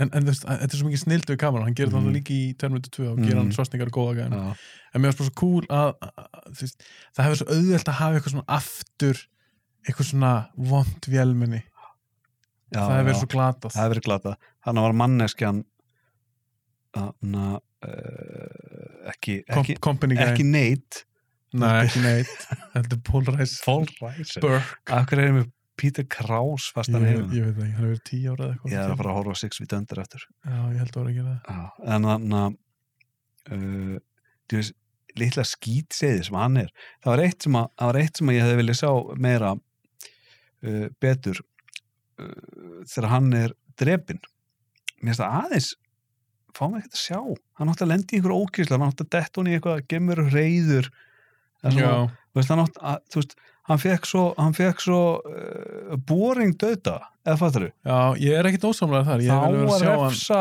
skítalum í myndum þú veist, Já. við sem áhverjandur við viljum sjá það og við fengum það ekki það það bara ha- sjáum að hann er inn í herbyggi með gemur og jú, hann er uh, dauður en hann deyr ekkert verri en aðrir mm. nei, og svo líka bara uh, slátti hann bráðin í síru eða eitthvað get gróf uh, þetta er svo þegar Bill Paxton deyr mm, Hu- Hudson, já, þú veist, það er ógíslara já, heldur þegar Burke deyr. algjörlega hetu döðið sann sko Já, það er úkslega cool en ég er alveg samanlega það hefði mátt vera eitthvað svona meira að hann átti á svo skilið áttu svo innilega skilið að því hann var, hann var mikil svikari svo þegar hann platar eða hann platar ekki kannski Ripley og Newt en þeir eru, eru inn á rannsónustofun eða þar Vá, djú slæti Ó, djöðis, hjólu var þetta uh, þeir eru, þeir eru að sopna já, ógeð þú veist, hún er, hann bara Hún er- setur tvo svona fe- já, sletti hún er nýja ára er það ekki já, þú veist bara níu, tíu ára eða eitthvað skrýmsli einmitt, mér finnst það reyndar úkslega töffatri líka geðvegt aðri, hún er stút full af góðum aðri Já, hún er geggjuð sem mynd Svo líka bara powerloaderinn já, í lokin En til ég- fyndi hvað fyndi hvað hann dýrka það þegar hann er með þetta aftur í avatar basically bara sömu græðina Já, nema bara hann er búin að svona setja byssur á það Já En það er bara svo cool ógeðslega cool, bara allan daginn ég elska líka hana, ég elska hvað avatar er eins og er sé í alien heiminum Já, já, þú já, veist, já. þetta er bara þú veist, ef maður kemist, að- ef maður sæði þarna veilandu tann í kassa einhvers staðar í horninu í, í avatar, þá myndi maður bara já, make a sense, já Já, já, ég, já ég, auðvitað er þetta í sama heimi já, ég er alveg samanlega líka því- þetta military dót mm -hmm. eins og í, í henni en það er ég sjúklega spennt fyrir Avatar 2 þá er sér svona 10 ári í hana uh, en já, uh, mér fannst uh, hvað var ég dætti alveg út af það Eh. út af þessu mótur heldur sem kom Já, við vorum að tala um að, na, að skýtseðina fá verri döðdaga og að uh, military dóti er eins og í að, na, Avatar. Já, já, já, nú manni hvað ég ætlaði að segja með powerloaderinn Já, Pálutur. þegar, þegar hún er- hún er að berjast í drottninguna ég, tókstu eftir í að skótnir sem hún er í í því atriði Býtu ekki voru það... það eru rýbokskór, Já, ok. tókstu eftir því Nei, ég tók ekki eftir því. en hvað finnst þér um almennt síðan svona pro- product placement í bíómyndum Sko, ég held að Það- þú hatir það hatar Ég- það kannski allir það hata hann, sko, það hata hann alltaf allir en þú getur ég skil þetta og mér finnst þetta allt í lægi upp að vissu marki eh, ef það er ekki ef þessi er ekki tróðið framan í þig ég tók til dæmis ekki eftir þetta Reebok skór Nei. þú veist, mér er þetta bara svolítið cool Mm uh, uh, í Alien 3 það er product placement af Coca-Cola gæn situr hann og drekka Coca-Cola út í geimnum, það fannst mér fárálegt fokk, ég man ekki svona eftir Já, því hann hann hann hann að drekka kók hann er að drekka þú veist, Coca-Cola í glerflösku hann að jésus það er glada það er glata sko, það er en það er samt ekki, þú veist, hann réttir ekkert að myndavælinu og segir "Ah." Hann að- Nei, sko. það var bara komin í fúlun auðlýsingur þetta er uh, þegar að þetta er um það leiti þegar það er búið að drepa fangelsistjóran þau eru öll búin að svona hópa sér saman í einni kvelvingunni og eru svona að debata um það hvort það er að fara að berjast við gemurinn eða ekki þú veist, Ripley og, og anna, hann, uh, hvað hétt hann ekki, Charles S. Dutton Jú, þau eru eitthvað D að- Dillon held ég Já, þau eru að agitera fyrir því að þau ættu að fara að drepa gemveruna áður en að veilandi og tani koma að þeir myndu drepa ykkur hvort þeir þeir, skilur, þeir eru eftir að drepa okkur ef gemveruna er innan Er þetta Þannig- að drekka kók? þá er fangavörðurinn þannig að second in command gæðin 85 já, þá er hann bara með kók, flösku og er að drekka hana við ættum ekki að gera þetta bara með kóki, súband á því og alveg nokkrum, nokkrum senum sko, eða skilur Vá. nokkrum uh, klippum á hann það sérst aldrei að þetta sé Coca-Cola en Coca-Cola eru með náttúrulega svo íkoniska flösku En- ég spottaði það bara strax, mér finnst þetta svo výrd En ég meina, sérðu merkið? nei, en þú sér flöskuna Og er, eiga þeir eitthvað svona engarétt á þessari flösku? eða? já, Coca-Cola flöskan flaskan myndi ég segja að vera svolítið svona íkonisk En telst það með að það sérst ekki logo? Og engin stafir? Það er ekkert skrítið að ég get ekki eftir þessu. Ég er ekkert einhver sérfræðingur í einhverjum flösku. ég er greinlega bara svona mikil gos Greinilega. góstrykkjumæður Sko, þegar þú- þegar þú veist þetta núna og ef þú Já. sér þetta allir þá ertu bara, vá, djúð, hann er að fókinn drekka Coca-Cola En m- mér finnst mér svona product placement. Persónlega finnst mér að ég leiði að sleppa mm -hmm. ef ég fæ eitthvað cool í staðinn. mm, Eins og mér sýnist þetta að vera Caterpillar powerloader mm, og Caterpillar gerir húst ítur og gröfur og Mm. svona drasl. Og ég fæ cool powerloader. já. Þá er hann til ég að hafa Já, já, já. Caterpillar logoið. Mhm, Og Reebok, húst, böggaði mig ekkert það mikið. nei, bara því að Pálutur og Svalur það, það það dekkar, fyrirgast allt annað Pálutur hún er dekkar ekki að vera í nokkur Disney ból af því- af því ég vekk Páluturinn Já. þá getur hún einmitt, hún getur alveg þvíleitt mert Já. sko, mér finnst allt í mér finnst allt í lagi að séu uh, hlutir úr heiminum í myndinni á mm. meðan það er ekki verið að sína okkur það þú veist já, bara eins og- svona nærmynd af einhverju logoi, já, eins og, eins og eins og í- ég robot Já, ég eins og, mér varst það samt, sko, hann var, hann var bara allt, hann var í Converse skóm já, hann og var að panta einhver pant einhverja, það var einhverja special edition Converse skór, já, einhverjir annar vintage sem að komu samt út sama ára og myndin kom út, já, myndi gerist 2050 eða eitthvað en hann var að býða eftir vintage skór sem, 2004 já, Converse já, skóm þessi annar sama ára og myndin kemur út.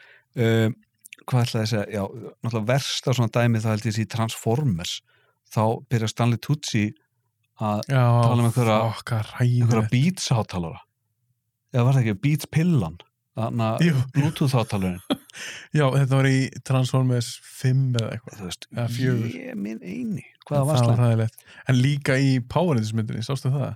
Krispy Kreme, Já, já, já, já. ég held að það sé eitt af, eitt af svona vestu svona product placement sem ég bara æminni séð já.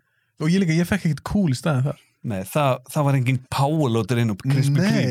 Nei, nákvæmlega, það var allt, það var allt drasl í þeirri mynd Já. en þannig já, mottoa mitt er ef ég fæ eitthvað cool þá er ég sáttum með það, þetta er svo með Pulse Rifle, þetta er svo töff riffil Mm.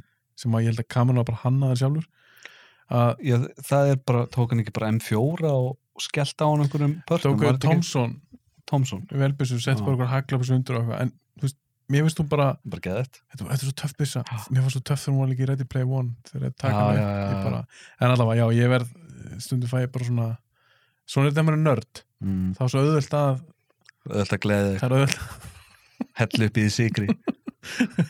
nákvæmlega, þetta er svona okkur sigur sem ég fæði því ég sé eitthvað svona töff í bíómyndum uh, já, svo enda myndin á því að hún drefi drottninguna eftir Pála út úr aksjónadriði Mm. Geða þetta Og- aðrið, djúðlega er það cool aðrið. það er geðveitt það er líka svo töff að sjá eins og þessu gamla myndum þeir, þeir þurfa að nöta öll trikkin í bókinni að því í dag er þetta bara að tölvugjur bara, Já, bara sem þeir gera avatar, að þetta er bara tölvugjert þetta er miklu svalara. já, En Mér herri, finnst það- við verðum áður en við hættum að tala um, að, na, hættum að tala um hana. rosalega var forst þetta, þetta na, maðgna samband á milli hennar og njút. fannst þið það?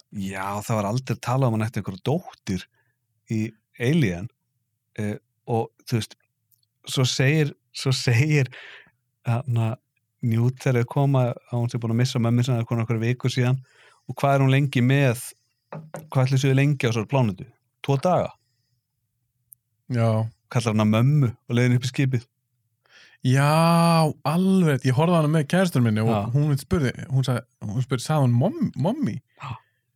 og ég var líka bara, eitthvað, já, hún, hún sagði Já, það mér varst það það var þetta, það var svo- skrítið það var, þú veist, allt þetta þú veist, já, ok, það var þetta dóttir þín er orðin fullorðin og, og, og dáin og þú mistir af henni henni er ný dóttir fyrir þig og hún bara eh, acceptar þessi mömmuðina bara eftir tvo daga En Cameron ætlaði veist, að, veist, ef hann hefði gert þriðju, mm. þá var pælingi svo að, Newt myndi taka við nei, Var að það ekki? Ripley, Newt og Hicks myndu mynda hálfgerða fjölskyldu á jörðinni.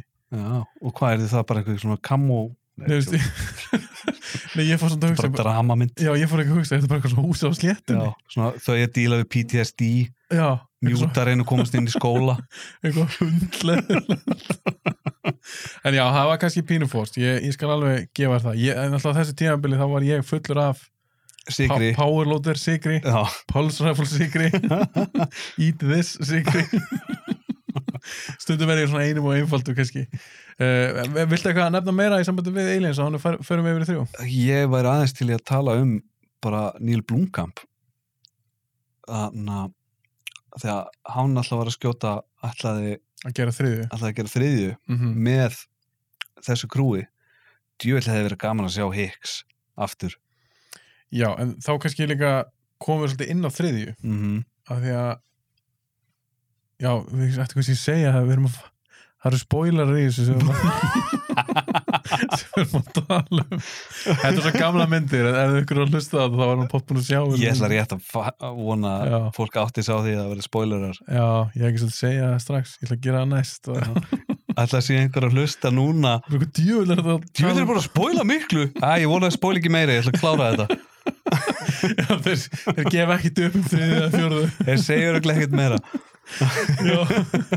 Uh, já, þannig að það eru, það eru spoiler í þessu ég myndi að horfa á þessar myndir á hann hlusta á þetta uh, Já, Blomkamp ætlaði að gera svona þriðju Já, eilímyndina og sem að bara mynd, sem að- ditsa þrjú og fjögur Já, ég, þú veist það hefði verið ókslega gaman ég, er svona- ég veit ekki alveg með þann gæði mm, hann, er, hann er svolítið hann er búin að uh, tjappi og Elysium voru ekki sérstaklega góða ekki myndir góða myndir ég, Manstu hvað ég sagði eftir að District 9 kom út svo kom trailerin fyrir Elysium ég hugsaði, bara- ég sagði bara þetta, þetta, þetta lítur út þessu kom bara svona einhver nýr James Cameron mm -hmm. gæði, en hann síndi það að hann er það ekki setti Matt Damon í þetta klikkaða exoskeleton sem hann gerði ekki neitt hvað, hann hendur einu bíl til þeirra búið Jésus, þetta er svo, ó, það er svo leðileg mynd líka og Tjappi var ekki góð Nei, uh, en hann var að tala um að gera mitt eilimynd það er ekkert að fara að gerast núna en ég, ég, það er, alveg, það er alveg, alveg horfið held ég núna ég, Rilli er að fara að gera þriðjur það, er ekki, það er allavega í pípunum sína mynd sko Æ, guð, ég vona ekki en Já, ég veit, þú veist, að, na, það er saga fyrir annan dag alltaf, alltaf drast alltaf drasl. Að, na, ég las að uh, á sínum tíma hefði þetta verið búið að ná smá flugi. Mhm. Uh, Sigorni var búin að segja að hún ætlaði að vera með. Uh, það var vist eitthvað handrits pitch sem átti vist að vera eitthvað mjög, mjög aðlaðandi þar sem að Hicks kem aftur og, og Newt kem aftur. hann ætlaði í rauninu bara að gera framvald af aliens Já. sleppa þrjú og fjörun Já, hvað finnst um þú svo leiðis? Ég hefði alveg haft gaman að því ég bara vilja fá þetta þú veist ef þetta væri Blomkamp í District 9 mót Mm. að gera alien mynd þú veist að gera góða mynd já, gera góða mynd þá hefði þetta geta verið klikkað en í staðin fengum við Prometheus og Covenant sem við vitum alveg hvernig endaði og nú er eh, Ridley vantanlega að gera þriðju príkólmyndina sína og ég ég, vona ekki já, það er ennþá, þetta er ennþá listað á síðunni sem in production á IMDb Já, ég veit Ekki það er ekkert markaða. endilega markaða sko en að- na- það var í mæ 2019 þá var nýjasta staðfesting frá að hann væri ennþá já, já, já hann kannski gerir það en Blomkamp, ætla- það er alltaf búið off á það það bófað, það bara hefði verið gaman koncept artið var skemmtilegt og ég var svo hæpaður þegar þetta byrjaði Já, já, mér líka, hann, veist, hann ger alveg sumt töff svona í sambandi við eitthvað sci-fi og hasar og svona Mhm. og byssur. Það hefði alveg getið verið töff en æ, er þetta ekki bara uh, þú veist, er ekki bara kvíl þetta mm, þetta alien dæmi. mm, Þú veist, þau gerða þarna einhverja góða myndir já, það þarf alltaf að mjólka allt, þetta er svo Terminator Jésús Kristur, já, ég þú veist hvað er bara að mjólka það uh, en ef við förum aðeins út í þriðja myndina mm -hmm. heldur sem búin að kofara aliens svo fokkalega, ég man ekki eftir neinu sem hljótu bræði sem við erum ekki búin að tala um Nei, bara Geðveik eldist, mynd. eldist rosalega vel ég var hissa á hvað hún eldist ótrúlega vel bara aftur kemur praktikal dótið Já, og bara, bara bara, bara sýnir svo sannar og hvað kamerun er algjör snillingur já, hann er bara maskína hann er bara, það- hann er bara snillingur en þá Mhm. förum við yfir í þriðið myndina mm -hmm. hvernig finnst þér hún? hún komið rosalega skemmtilega og óvart uh, upp á það að sko ég var alltaf með smá samvinskupið af því ég er rosalega mikill David Fincher aðdáðandi Já. að mér fannst hún aldrei sérstök nummer þrjú Það varst svona að reyna réttlutana fyrir sjálfur að Já, það gera það. já, að því Mhm. David Fincher og þú veist og veist hvernig maður er þegar maður er ungur þá einhvern veginn er maður Það svo, maður vittlus. já, og maður vilja svo heldur svolítið með sínu fólki og það bara, þú veist Já, tryggð. að- já, bara tryggð, ég var, bara, ég var svo tryggur honum en það eru fáið sem vita það að Dave Fincher er frændi. Skildur. Davíð, þessi fyrir þig mm. og skvett á mig vatni hérna Já, rólegur. Ég er á búum mitt. máttu fá hjá mér að þú En hvað sko, að segja? ég, eh, þannig að þannig að Þannig þegar að þú ég varst alltaf í vörð með þessa mynd. var, nei, ég- já, ég er svona ég var kannski aðeins að fronta af því að ég horfði á hana uh, fljótlega eftir ég sá Alien Resurrection þú veist, ég var, bú, ég var búin að sjá Alien og Aliens svo 97 kemur Alien Resurrection Já. ég, og ég horfa á hana og finnst svona alveg klikkuð en ég var ekki búin að sjá Alien 3 þá og ég horfi á þannig að þetta var svolítið svona tímalínan var pínu off hjá mér Sást, í hvað röð sást það er? Sást, sástu Eh, 1, 2, 4 og 3? já, Ég sá 2, 1, 3, 4. já ok þannig að uh, en sem sagt og ég horfa á hana, búin að horfa þú veist, hvað erum við, við erum 14 ára Já, þegar við fórum Resurrection saman hann í kemur bíó. út. já, var það ekki, Jó, við erum ekki háskóla bíó. jú, Minni það. svei mér þá þannig að En já, ég man- þriða myndin. já, ég man rosalega vel til kvöldin er að koma heim eftir hana þannig að af einhver ástæði Við vorum peppaðir. já, bara mjög peppaðir Fjórtán- Mér fannst hún 14 ára. geðveik þegar ég sá hana fyrst sko. Ég var bara, þetta er geðveik mynd. En allavega, þannig ég horfa á hana sem er bara hasa mynd og það er húmor, hún er alveg ekta fyrir 14 ára, 14 ára strák. Um, og svo reyni ég að komast í gegnum þrjú sem er svolítið þung, hún er hæg, hún er rosalega blík Mm -hmm. og, og ég bara einhvern veginn bara eh, þú veist, einhvern veginn bara tekka út yfir henni. Þannig að, Þegar þú sér hana fyrst. já, Þannig þegar það. síðan fyrst Já. og ég var ekkert búin að horfa á hana aftur fyrir en ég horfði á hana í fullri lengt Bara núna um daginn. já, bara, ég horfði á einhverja hana extended útgáfa á henni sem ég held að sé ekkert eitthvað mikið extended fjóra mínútur eða eitthvað smóttir í Já. og Ég held að þú sé alveg, hún er, hún er 2 og 2.34 eða eitthvað sko, já, hún er heldur löng já, en þú veist, ég held að þú sé alveg hálftíma lengur en ég horfði bara á bíótgáfana. já, var það? Já. já, já, já, Ég bara, ég, ég gæti ekki hugsað að því, mér finnst þú svo le leðileg sem mynd. já, finnst þið það? Ég, já, ég, ég þóla hann ekki. Ég skil ekki þegar sumir segja að það sé besta eilímyndin. enga við besta Það myndi er bara, mér finnst það bara rugg. enga við besta myndi, ég bara einhvern veginn ég kom inn í hana bara ég kom inn í hana, ég var að upplifa hana bara einhvern veginn upp á nýtt og hana, uh, hún dettur reyndar sko, hún er uh, Hún er leðileg, sko, ég skal bara hjálpa þér, hún er leðileg. hún framalega í henni er hún mjög, mjög hæg mér veist, mér veist fyrstu 40 mínútunar þá var ég, alveg- var ég alveg on board var að fíla þetta, Mm. Tævin Lannister hana Já, Klikkaði. hann geði ykkur leikari. og Svo svo þess þegar Charles Dance. Já. hann heitir bara Tævin um, svo byrjar sem sagt uh, reyllingurinn, eða þú veist, þá byrjar gemur hann að drepa eitthvað, þá allir um dettu myndi ekki þetta niður Já, Þarna fannst þið það? fannst, já, þá bara einhvern veginn þannig að hún, hún áðana mjög hægan klukkutíma í miðjunni, svona cirka svona framalega framalega fyrir miðju svo einhvern veginn fannst mér hún taka aftur við sér seinnipartin, þá var ég bara allt, allt í henni aftur on board uh, en það sést alveg það sést alveg, þetta er mein gallað productiona uh, og þú veist, þessi saga er ekkert eitthvað svakalega grípandi en það er bara uh, hvað ég segja mér fannst þetta, mér fannst þetta vera í samt, uh, svona rökrið framhald af hinu myndunum þannig að sérstaklega hvað kemur fyrir hana þú veist, hún basically spoiler alert drepur sig í lokin á henni Já. uh, að þetta ekki, ég, þú veist var einhvern veginn miklu mildari fyrir henni heldur en ég var í minningunni ég, anna, mér leittist aldrei yfir henni þú veist, ég var ekki, jésús, hvernig fyrir þessi mynd að vera búin Fyrst hún eiga að skila að vera svona partur af Alien.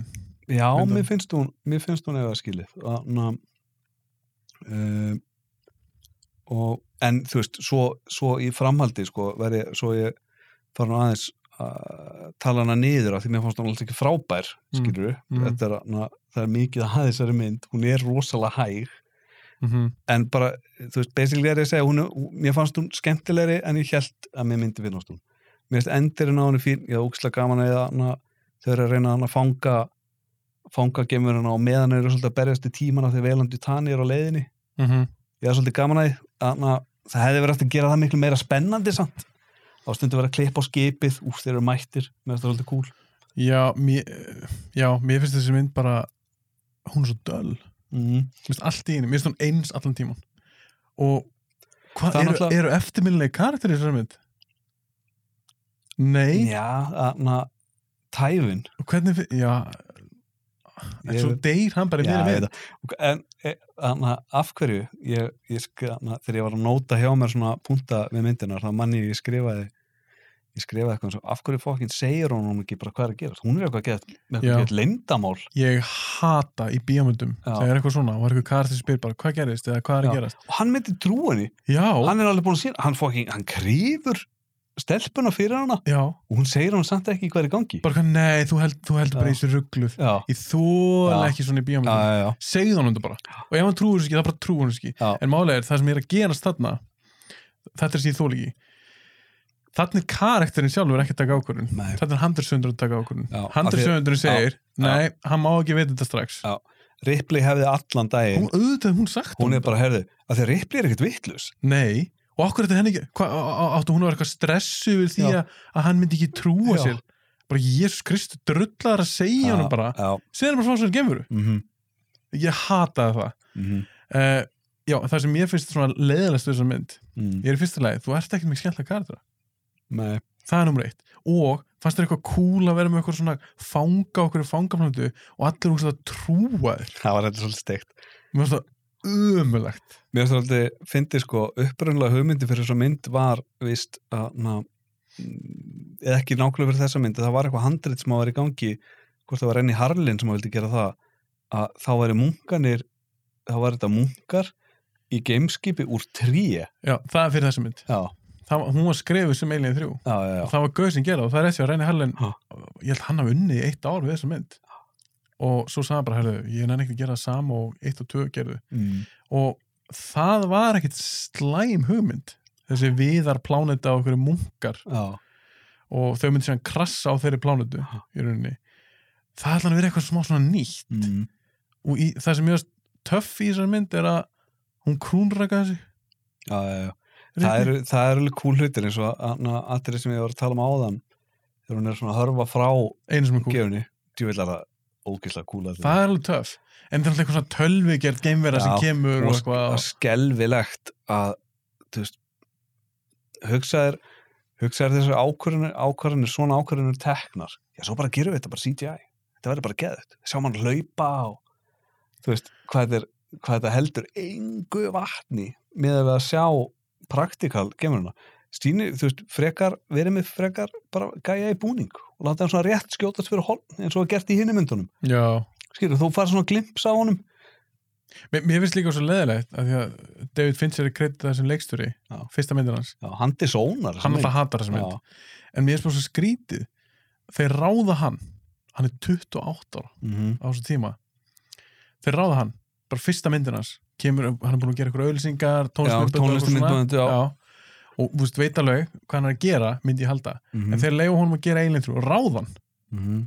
en svo basically segja það bara, herru við treystu þér ekki alveg Já, þú þarfst að gera það sem ég segi Þú veist, ég, ég skil ekki svona, Já, ákveð það ráða eitthvað svona gaur og þú leiður hann ekkert að já, á ráðaninu þá áttu, fyrir- en þetta er alltaf miklu peningar fyrir henni gæja Mhm. hann er bara svona first time director mm. mhm, okkur er það ekki búin að ráða bara eitthvað vanari gaur já, í, í, það fessi töðan með Já, og þetta er þess, bara- þessi mynd, hún lyktar já, af að það eru allt og margir að Já. f- fikta í henni mhm, að skipta sér af og það sem ég er sem svo töff við eiginmyndinar allar og sérstaklega 1 og 4 þú sérð allavega að það er eitthvað svona sín já, já, já, þú veist, þeir eru með eitthvað svona skýra sín hvað þeir vilja sjá, hvernig þeir vilja gera þetta Ridley Scott var þannig, James mhm. Cameron þannig og líka uh, John Pierre sem gerði, Juni, June sem gerði fjörðu alveg hvað finnst þú þá mynd? Þú sérð alveg að það er þannig Já, já. einhver svona Hún- sín já, hver er sínin í þriðmyndinni? mhm, að því að mér finnst grunn hugmyndin það sem ég hefði örgulega vel sjá eh, það sem ég hefði sjálfu ég vilja gera ef ég hefði fengið þetta upp í hendur á þessum tíma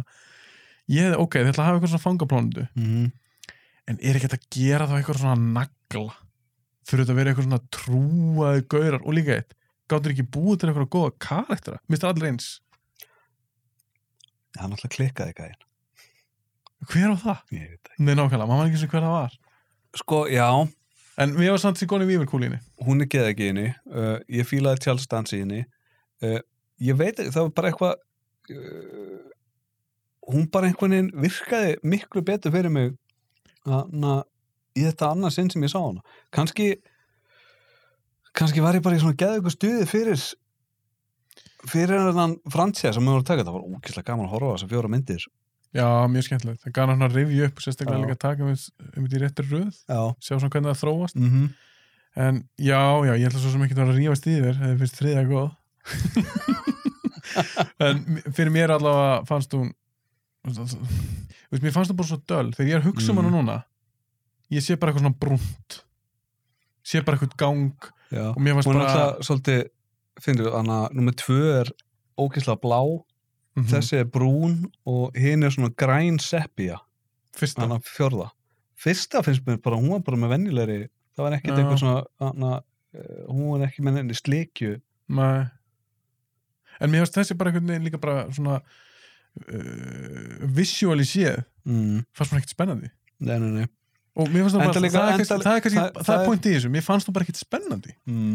af því að þú ert með svona karaktera þú veist, ég fílaði reyndar upp í eins og ég segi Mm en all, allir hinir í kringum hana Þú veist, ég fíla engan aðeim -hmm. Charles Dance er skemmtlur alltaf Þú veist, það var eini sem ég hans nálætti að vera svona eitthvað pínu áhugaverður karakter en þú veist, ef mér, er hann- ef mér er samum allir myndinni Mm. hvernig óskupum getur hún verið spennandi er ég búin að samfæra það um hún er léleg þú hattar hann bara hana nei, ég ætla, ég ætla alls ekki að sitja en að Ah, ég, ætla, kontuðu bara betur fyrir já, ég er alltaf, ég get ekki við setið verðum kyrr. hér í fjóra tími viðbót sko. Já, ég- eins gott Ég fer ekki heim í nótt Þannig að uh, Hvað ætla ég að segja?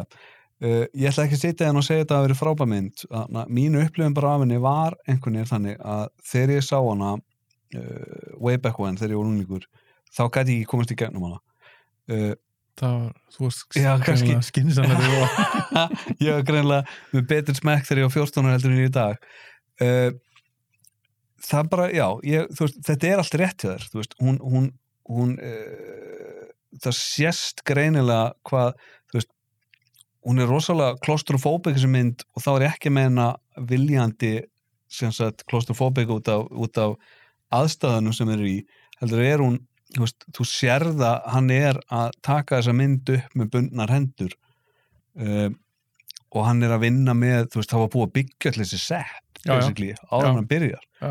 og þeir eru ekki eins og með handrit Nei, Tilbúið. nákvæmlega, nákvæmlega, þú sér það rosa oft sko á mér finnst það rosalega mikið bara að vera þú veist, þau eru ókslega skrýttum stöðum í myndin oft, mm -hmm. þú veist, það meikar ekkert sens hvar þau eru og hverna Nei, og það er líka, ég, ég, ég þúl ekki þegar voru bíómyndir og ég var eftir að átta máða, ég veist, hvað er ég? Já, já, já, Þú já veist, hvar það, er er, ég það, staddur er- núna? það, er- það, er- þú, þú hefur ekkert uh, þú hefur enga landfræðilega þarna, hugmynd um hvernig svæðið er á sem að, þeir eru, Nei. sem að myndin gerist Nei. þú veist ekkert hvar uh, pistónið er það sem að loka uppgjörið á sér stað hvar það er í na, samengi við hvar kaffeterían er eða skilur, Nei, þú veist, er þetta mjög langt í burtu er þetta allt í einni byggingu einmitt. er þetta, þú fattur það er, hana, það er mjög mikið að Já, ég, svo líka, hvernig myndin byrjar, ég, ég bókstala hata, að drepa alla já, já, það er bara, Bishop er bara döður,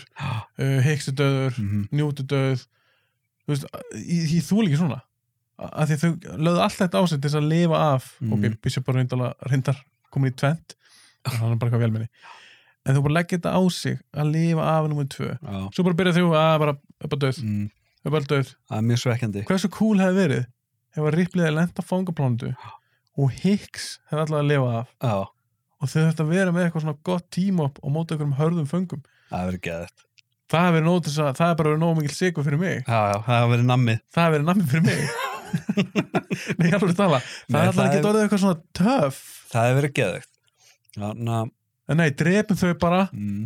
rökum hárið af, á- árið af ripli og, og bara höfum enga skemmtilega karaktera og gerist bara einhverju leiðilegri plánundu það sem er ekkert skemmtilegt að gerast ég fílaði þegar Veiland Tutani voru mættir hana segir Veiland Tutani Tutani mér höfum segja Veiland Tutani ég er bara að halda allan tíma þú sett að segja það og, og Tripli Helen Tripli ekki tröfla með því að drepa nei, ég Anna, er klárlega að segja Veiland Tutani já, ok, bara heyri ég ekki vel við getum sett texta við mig, ég tala stundur svolítið um ég mér aldrei gefið út þannig þessu lagi. hvernig verður þetta sínt annars? aldrei, Tjók. þetta var aldrei skil ekki hvernig podcast virka þetta er í beinni núna en hvað, ætla, þú varst að klára eitthvað uh, segja eitthvað, varst að geggi mynd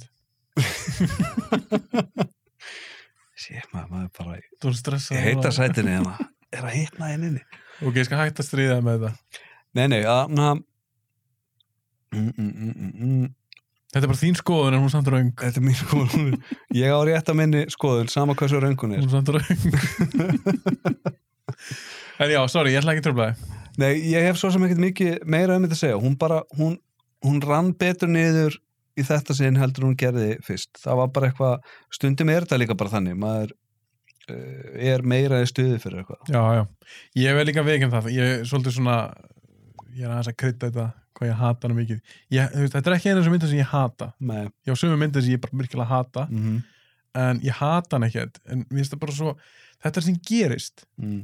Þegar stúdíó skiptir sér allt svo mikið að- Já, og Mér- gefa út já, Hvenær hún kom út myndin já, á hún já, að helst já, myndin já. tilbúin skil hvað við, þú veist það er ekki eins og komið handur þau bara herðu, hún kemur út á þessum tímapunkti Mhm, þannig að þá eru þeir bara allar að keppast við í staðan fyrir að, að líta þetta sem list já, að gera bíómynd sem er fyrstulega ekkit auðvelt mm. og auðvitað ógist að þetta gera góða mynd business já, þú veist, ég skil alveg til business og allt það, en come on þú veist, viljið þið eigða líka bara þá að þið ætla að búa til eitthvað franchise mm. með ykkur svona, já, býðið þið bara rólegir leifið það, þeir réðu hann að David Fincher Já. alltaf á þessum tíma var hann bara þessi David Já. Fincher, hann var ekki dónið núna er þetta þú veist, David núna er þetta Fincher. David Fincher já, en þú veist, þeir réða hann á sínum tíma mm. leiða hann bara að gera, mynda Mm. sem hann ætlar að gera og hætti að skipta eitthvað svona að eitthvað gæjar eitthvað í jakkafætum upp á skrifstofu Mm. algjörlega þetta er, þetta, hún lyktar að því já.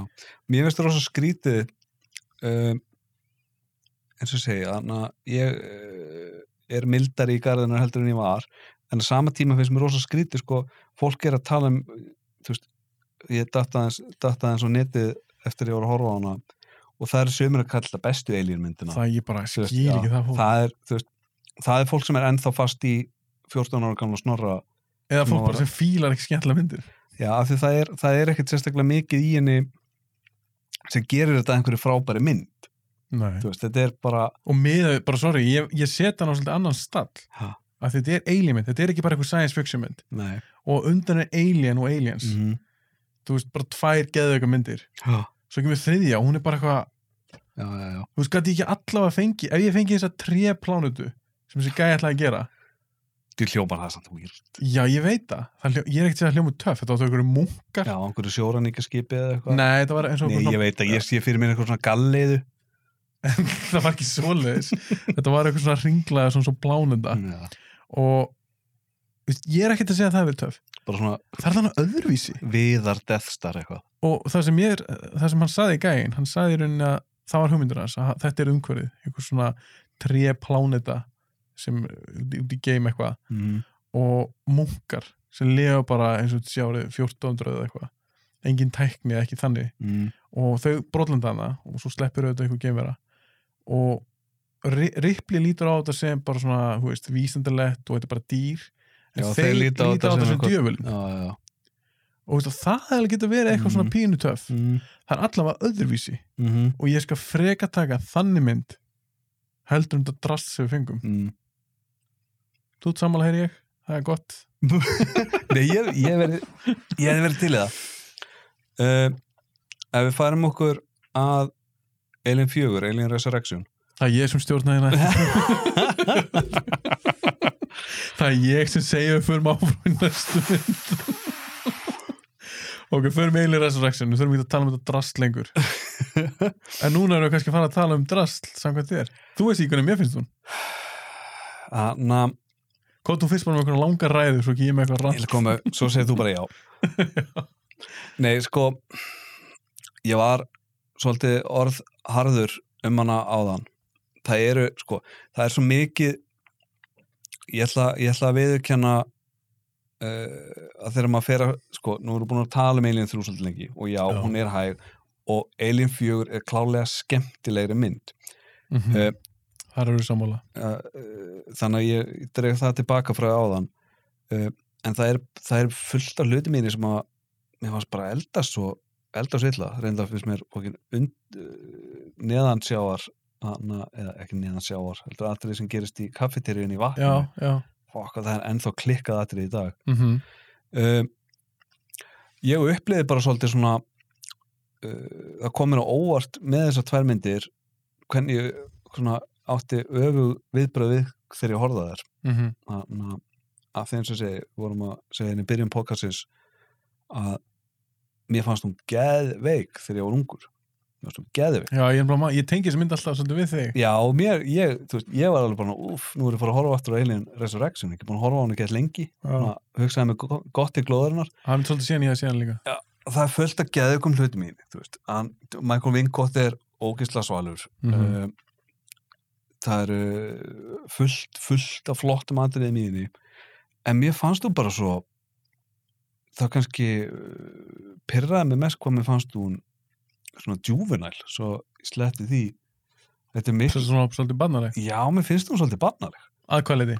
upp á hvað, hún, hún er að reyna hún reynir allt og mikið að vera kúl uh, Mm. ef við tökum ef við tökum sko eins og Alien 2 þú veist, hún er ógeðslega gúl, Aliens Mm uh, og minnst hún vera svona effortless að vera, Töff. það eru bara allir kúl í henni þau eru svo mikið, Ron Perlman er að reyna að vera svo kúl og ég fíla Ron Perlman þú veist, ég er, En, en reynir hann það ekki oft? Er hann ekki líka þannig í Blade 2? Er hann ekki líka þannig í Sons of Anarchy? jú, kannski mér finnst það- mér finnst það bara svo áberandi hana, hann er svo sannlega mikið að reyna að vera kúl Já, og, og hann vinnur minn úr CSI Miami hann á ekki leiksigur í þessari mynd hann er glataður í henni hann er svolítið með dretta, það er töff er það nóg fyrir, þið? hann er pínes og predator pínes og predator, það, það fyrstu svona smá nammiskamt Þetta er helvítið myndaleg maður, ég var nú að gefa hann það Ég veit, ég horfði á það með kæristum minni Hún, horfði á- hún hafði aldrei séð þessa mynd og hann er alltaf út á pásu Nei, hún var bara eitthvað, "Vá, þetta er svolítið myndaleg maður Ég alveg, já, ég Þá fyrir að horfa á hann að söðuris, ég alveg, já, rétt séð Hann er, hann er mjög myndalegur, fallegt svona andlit Já, mér, mér var svolítið gaman að horfa á þessa mynd af Því að ég hef ekki séð hann í svolítið tíma Og ég maður þegar ég sá hann í bíó Þú varst alveg bara að pissa á þig mm. En ég var alltaf bara, eitthvað, já, en hún er ekki sko aliens. Mm. En mér fannst þú samt alltaf skemmtileg sem mynd. Og ég man líka að það var svo margir sem bara eitthvað hötuð hann og eitthvað svona. Já. En það skil ég samt ekki nefnum líka bara, sorry, sérstaklega þegar hún kemur út hún, mér finnst hún vera svona pínes og batsins tíma þarna svona, já, Svona. í dag, eða, sem Já. sagt, hvernig hún eldist. já, En þú, veist, þegar fólk segir, já, þetta er glötu mynd og eitthvað. Þú veist, Þetta er alltaf sama fólki sem segir að Alien 3 sé best. mm. Þannig að það er eitthvað sem er að hlusta á þetta að horfa á sem finnst Alien 3 best. Það rámt ég okkur mér finnst það slökkuð núna slökuði núna. En mér fannst hún skemmtileg. mm. Ég skil hvort við Mm. eins og með, þú veist, þau eru ógislega cool þau eru rosalega kúl þau eru ógislega cool Já. en Michael Vincott er bara svo Hann- já, ógeðslega cool hann, hann er eini sem á inni fyrir já, en málið er, hann deyr já snemma bara allt og snemma sem er mesta synd sem ég bara veit já, um ég, ég er alltaf pyrraður ég líka, þú veist, hann hefði getið verið svo töff í þessari mynd já, hann er geður en hann er bara ofkúl, hann hefði bara þú veist, Ripley hefði bara fallið í skuggan á honum hann hefði ekkert bara fínt, fínt að hann var ekkert meira í myndinni og sko, og ef við tölum aðeins um hana ég fíla hann ekki í sér mynd ég fíla hann smá, er það? já, Ó, hún var svo, þegar hún er þú veist, allt Mér- þetta ég heyri í þeim, ég finn lyktin að þeim ég heyri það hreyfa þú veist, þetta var allt eitthvað teng já, hún var svo tengd í DNA þeim hennar blandaðist við oh, mér fannst það eitthvað svo en hvernig, hvað veist þú um að Joss Whedon hafi skrifað hana? varst múið að gleyma þið? Hanna, nei, ég vissi það. Eh, Hann hatar hana. er það? Já, hann hatar hana. Hann segir að allt við hana hafi verið gert rámt. Að, hann segir að alla línunar hafi verið að bornar sem sem sagt eh, impactaði með verið rámt. það var Þú segir mér allt, fréttir. allt sem var hægt að gera rámt í hana var gert rámt, segir Joss Vítun Af því ég held um þetta það sem þið tóku upp, mm. það er bara mjög nált því sem hann skrifaði. já, þeir þú veist, breyttu sér ekkert mikið. Nei, Þetta ég- er þannig bara svona delivery. og já, ég eitthvað held að hann bara hafi bara væpið í myndinu hafa bara verið eitthvað allt annað en hann vildi svoleiðis. En mér veist alveg sömu brandar og svona, þú veist, þetta er alveg svona vítónlegt. já, hann að hvað þegar hún- hann að þegar hún er að djóka um að hún sé hann að The Asshole Edition hann að af Android einmitt. það var einmitt. rosalega mikið Vítun Og líka bara Ron Pullman í þessari mynd, kartin hans, mm. já, já, já, já. þú veist, Já, ég já, veist já. hann alveg vera svolítið svona vítónesk. Mm En það sem ég fílaði við þessa mynd er að í fyrsta ræð þá vil ég bara bíum til skemmtilar. -hmm. Þú veist, hvort sem ég er að horfa á romantíska grimmynd eða drama, þú veist, gerðu bara skemmtilega mynd. Mm Þú getur alveg gert skemmtilega mynd um bara eitthvað þvílíkt drama -hmm. og hún rúlar, þessi mynd. já, það er, það Þú- Eh. er þrjus og gangur í henni Já, hún er alveg, og, og mér fannst hún, ég fíla hvað gemurinn eru klárar í henni það er svolítið sínt, ég elska allri í búrinu já, mér fannst það töff, bara dúru flikar svalurinn, þú varst lítið yfir, allskillur, geggjaði leikari. Uh, en, en mér fannst tjökki mér var svo, ga einmitt, mér var svo gaman að sjá þú veist, þa- það er alveg hún er tölvöld fjölbreyttar heldur en þessu þrjú já, já þú veist, þú eru að hugsa um Mhm. Alien Resurrection aftur þú veist, þá ertu með vassadrið þú ert með atrið á körbátumvellinum já, þú ert með þar að hún brennir öll hinn eindökin sem voru klónuð já, já, já. hinn hin að klónuna Mm -hmm. uh, í lokin, þú veist, með, þú getur aðeins svona skipt myndinni, en í Alien 3 mhm. hún er bara rosalega eins allan flöt tímann. hún er rosalega flöt, hún er svo döl algjörlega þannig Það að hún, hún, hún má eiga það og líka annað það er greinlega einhver sín hjá leikstjórnum já. í Hann- Alien Resurrection þetta er náttúrulega algjör algjör nöttari nöttari hann, hann var nýbúin að uh, gera City of Lost Children áður en að gera þessa það er furðuleg mynd það er líka bara fyrir leikstjórnum svo virkar hann rosalega fítn og eðlur þegar maður sér ykkur Já. fyrir það Þarna- sástu City of Lost Children já, hún er skemmtileg, ég, þarf, ég sá hana bara einu sinni ég, ég sá Svo lang- hana bara ef hún ekki fara á 95 já, eða eitthvað. eitthvað þannig ég sá hana bara, ég hugsi ég hef séð hana það er eitthvað 20 ár síðan Já, það er sama hér sko, Já. en hún situr alltaf í mér svona. já, já, hún, það er alltaf aðalega líka bara designið, Já. lúkja á myndinni Já. að hann er svakalega visual þessi leikstjóri Mm. en það er það sem ég fílaði allavega við fjögur þó að þetta segja að hún sé á margan hátt eitthvað svona batnali og eitthvað svona húmúr og eitthvað Því meira sem ég hugsa um það, því Þú betur finnst þér hún nei, þá, hún er alltaf skemmtileg, en ég er bara alltaf átt að mig meira og meira á því, það er CSI Miami gæðin sem er bara, djúið ekki, fór hann, ekki góða leikari nei, hann fór rosalega í tönan og manstu í lokin á vassatriðinu, þegar þeir eru að klefra upp stegan, ég þarf hann hangir, þegar hann hangir, þarf hann fær og- sírun á sig Já, ó, hann fekk smá síru framan í sig, herrðu, hann bara sker sig niður. já en ég tólka þetta þannig að þetta er svo þegar Drake fekk síruna í tvö þá var hann basically bara döður Já, þetta fór inn í hausin á hann. já þú hún stoppar ekkert, Já. fattur þau hún Mm. Þeir stopp, hefðu mátt, ge- já það er alveg rétt þegar þegar þú segir þetta en átt hann að segja að þið vildur fá svona exposition Já. atrið það sem hann it's, hefði it's sagt going inside my brain I have to cut Nei, myself.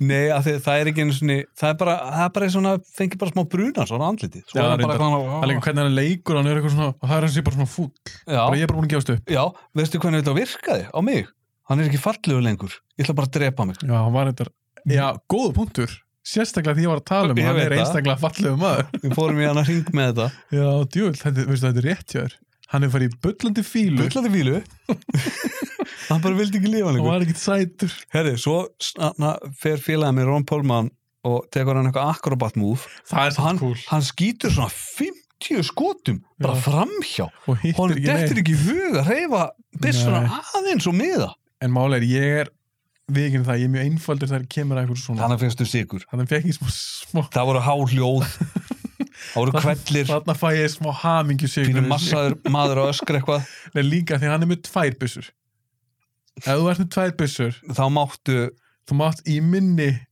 í mínum bókum, þá mátt ímislegt okay. og líka af því að hann halla sér Já, hann tekur þetta akkurat hann múð tekur smá svona það er móð var hann í Reebok sko ég tekka ekki á því, ég held hann þetta ekki þau voru allir eitthvað svona ljótum fötum í Alien Resurrection, Já, hún var eitthvað svona brúnu leður hvað var það sem hún var í ég veit það ekki en ég fílaði þess að neglunar hún var svona, hún var smá dýr í henni og mér fannst alveg töff að blóða hann á að síra já, kúl Fast það töf. já, mér finnst það cool Já. Mér finnst það, Hún líka nota það sem alveg vopn Já, nokkur sem í já. myndinni. það var ekki bara eitthvað að sýnta að vera cool einu sinni Bara, wow, heldur var, Nei. það, var, það var alveg partur af sögunni uh, Mér fannst ekki alveg krú, ég veit þú varst ekki að fíla uh, my CSI, er, ertu vissun að hafa verið í þeim þáttum? Var hann einhver svona drastli? já, hann, var- þetta, er, þetta er þannig sko Ég man ekki hvað sem leikar heitir, en ég man, hann heit Christie, já, hann, karakterinn. hann heitir oh, æ, ég manna ekki Ekki bara stoppa og googla það. jú, ég ætla að standa upp og ná í Það skiptir ekki máli, hann er allavega...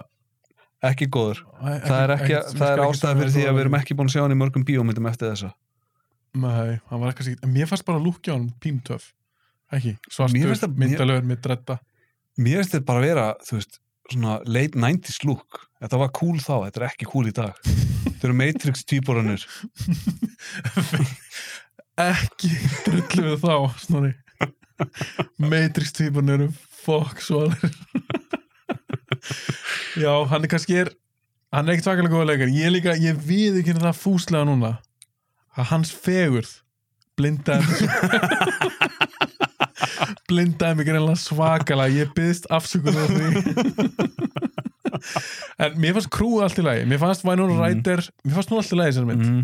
ég er ekkit svakalega aðdándi Nei. mér finnst hún ekkit svakalega skemmtilega leikona og það er- pín finnur þetta í svona making of fyrir fjögur þá segir hún eitthvað, já ég er algjörst nörd og ég stal, mér langaði mest að stela einhverju ég bara, já ok, svendaður á því að-" það stels svo var hann alltaf að stela einhverju Já. drast og búðum Vá, hvað það er fyndið það er mjög fyndið, Til hefur hún stólið einhverju bókamál já bótið algjör þjófur Já, na, mér fannst hún fín, mér fannst eins og við tölum um, getum ekki talað nóg mikið um Michael Wincott já, hann var mjög svalur, mér fannst eitthvað svo cool að hann var leiðtögin já, og svo var eitthvað gæla svona einhver latínó já gæla, mér fannst hún na, alveg svo pínu cool second líka. in commandið hans Mér finnst hún líka alveg töff. þó það hún er hafi cool ekki gert þegar hún mikið. deyr Já, það er Ég ekki vil vassatrið er klikkað Já, það er mjög töff. Já, og er Ron líka Perlman dóis næst í Þú að taka upp Nei. Þau- Þau æfðu veist, na, kafanir og eitthvað í fleiri, fleiri vikur fyrir þetta Mm.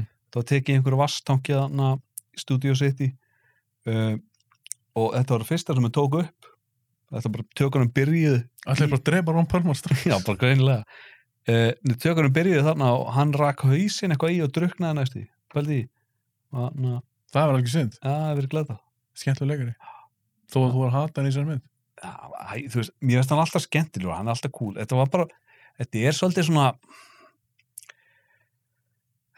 þetta er fyrir 15 ára stráka Þessi svona, mynd. svona machoismi skilju, Mér finnst Já. þetta að vera öðruvísi machoismi heldur en en þessi Joss Whedon töffaraskapur að er einhvern veginn öðruvísi heldur en þú veist, Vasquez í Aliens En Það er líka bara við skum að hafa það á hreinu að Joss Whedon er ekki töff eins og James Cameron. Já, en, en fatt, þú fattar hvað ég meina þetta eru þú veist, þetta eru tveir svona yktir töff karakterar En mér finnst bara, mér finnst þú svolítið, uh, s- svolítið vítonlega þessi mynd að mörgu leiti. alveg klálega Þú veist, að því ég, ég er engin brjálaður Joss Whedon Mhm. aðdáðandi.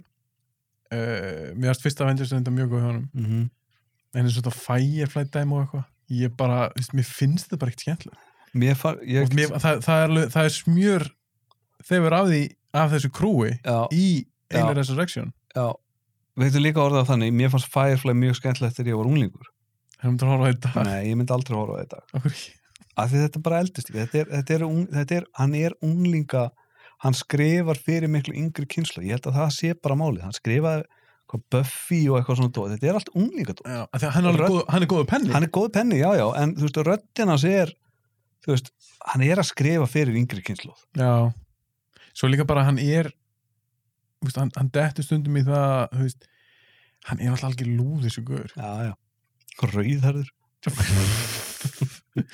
getur hann alveg töff ef þú veist rauður jú, jú, jú, jú. uh, en þú veist, hann er svona ég, ég segi ofta að það er það, ég, er ekki, að- ég er ekki að líka þessu saman ég er, ég er að útskýra munin ég veit ekki hvort ég er búin- sé búin að segja þér þetta mér finnst það að munur á að vera lúði eða nörd mm -hmm, þegar nördar fá að gera bíómynd þá færðu Matrix mm -hmm.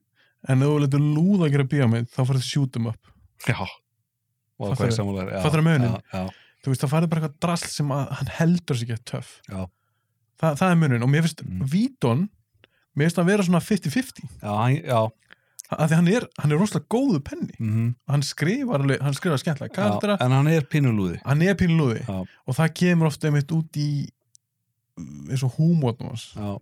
þó hann geta alveg verið fyndin þá er stundum bara eitthvað svona og þetta er það sem þú ert að tala um í Alien Resurrection ég vil kenna honum um sumt af þessu, mm. að þetta sé svolítið svona juvenal Já, ég bara skal algjörlega fallast á það en eh, hvernig varst að fíla nýja skrimsli Ég, ég veit að sömur hata það, ég hafði lúms gaman af því það er pínu að, na, expressiv í augunum já, og maður vorkir honum alltaf þegar hann já, sogast hann út um gluggan já ég endan dag í dag, þess að fyndið, Já. maður horfir á þetta maður vorkjum Já, af því hann er bara að byrja, hvað, hjálpaði mér? já. Þú veist, af hverju gerður þetta?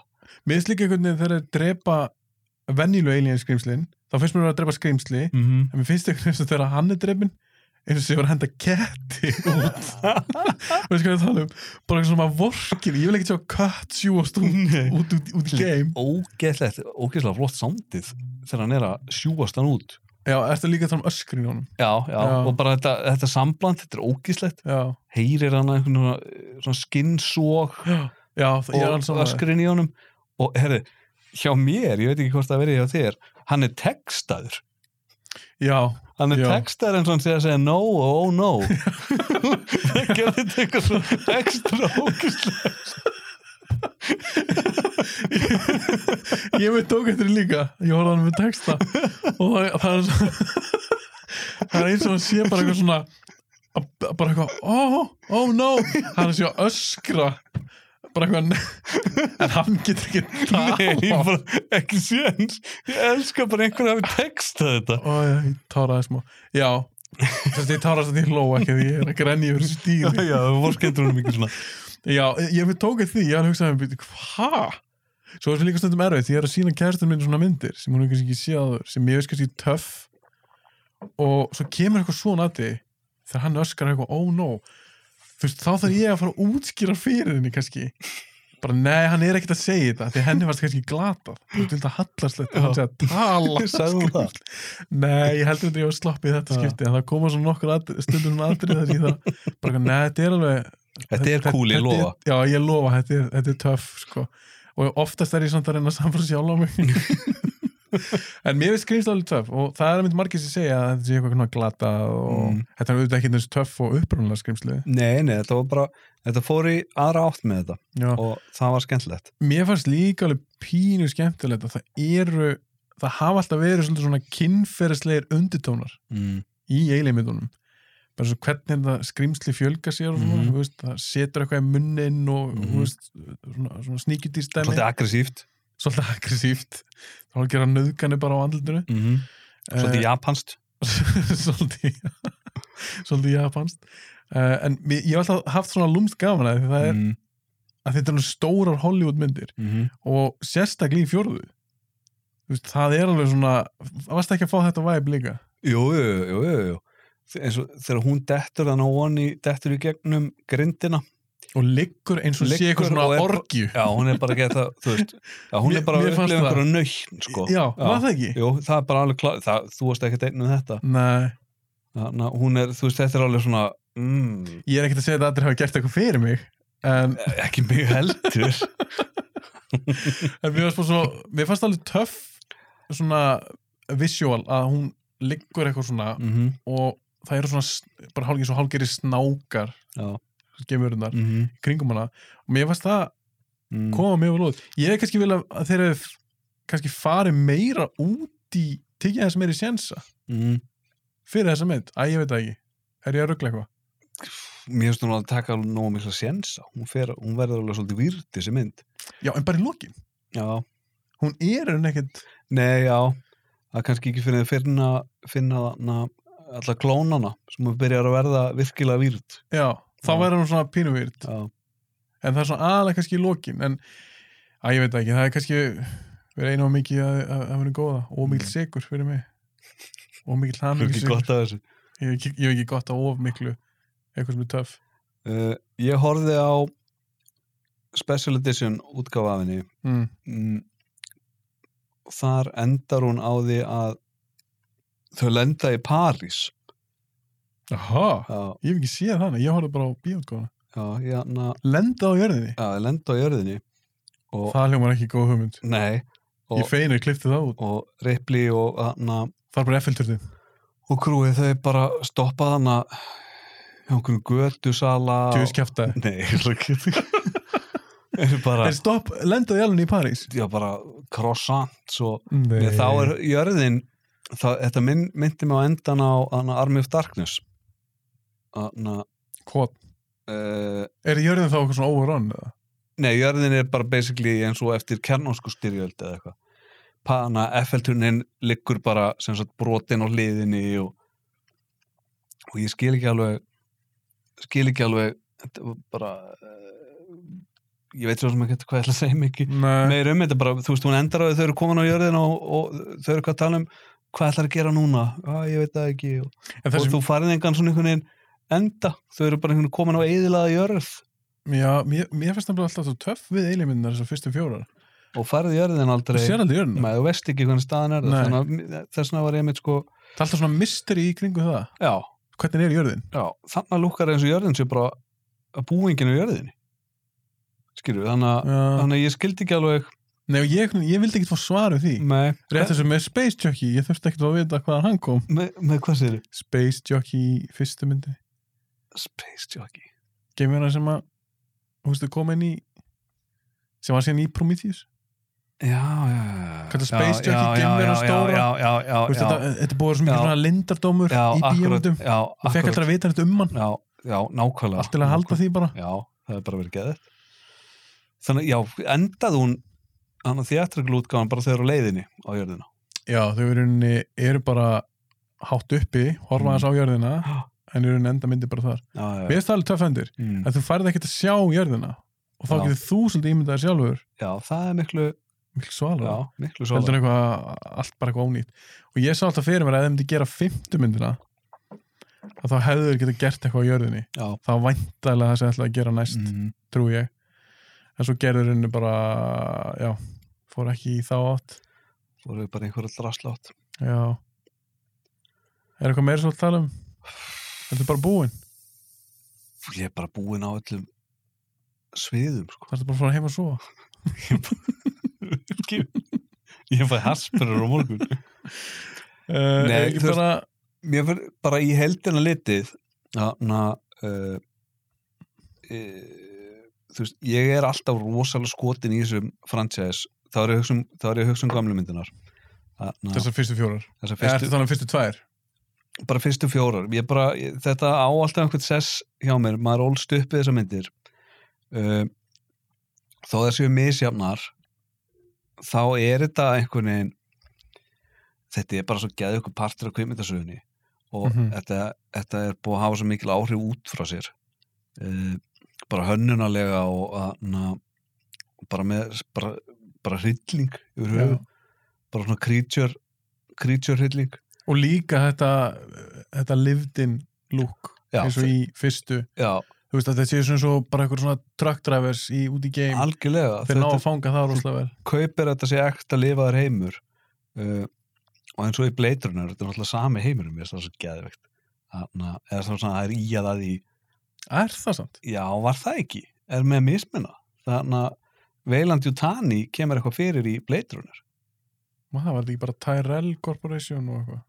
var vel já, Æ, við eitthvað segja eitthvað rögl við eitthvað sem klippa þetta bara úr já, ég er svo- ég er að tjóka það getur vel að sér rétt hjá þér. það ég er er bara, fullt að dóti sem var að klippa út eftir mig já, bara 90% af þessu ég já, megna þessu, ætla bara að klippa þannig að hljóma svo sammála mér í öll bara að klippa ef þið horfum á vídeo þá er bara að mynda mér svona að kikka kolli kinga koll ég ætla að döppa þið sjálfur já en hvað er svona lokaorð?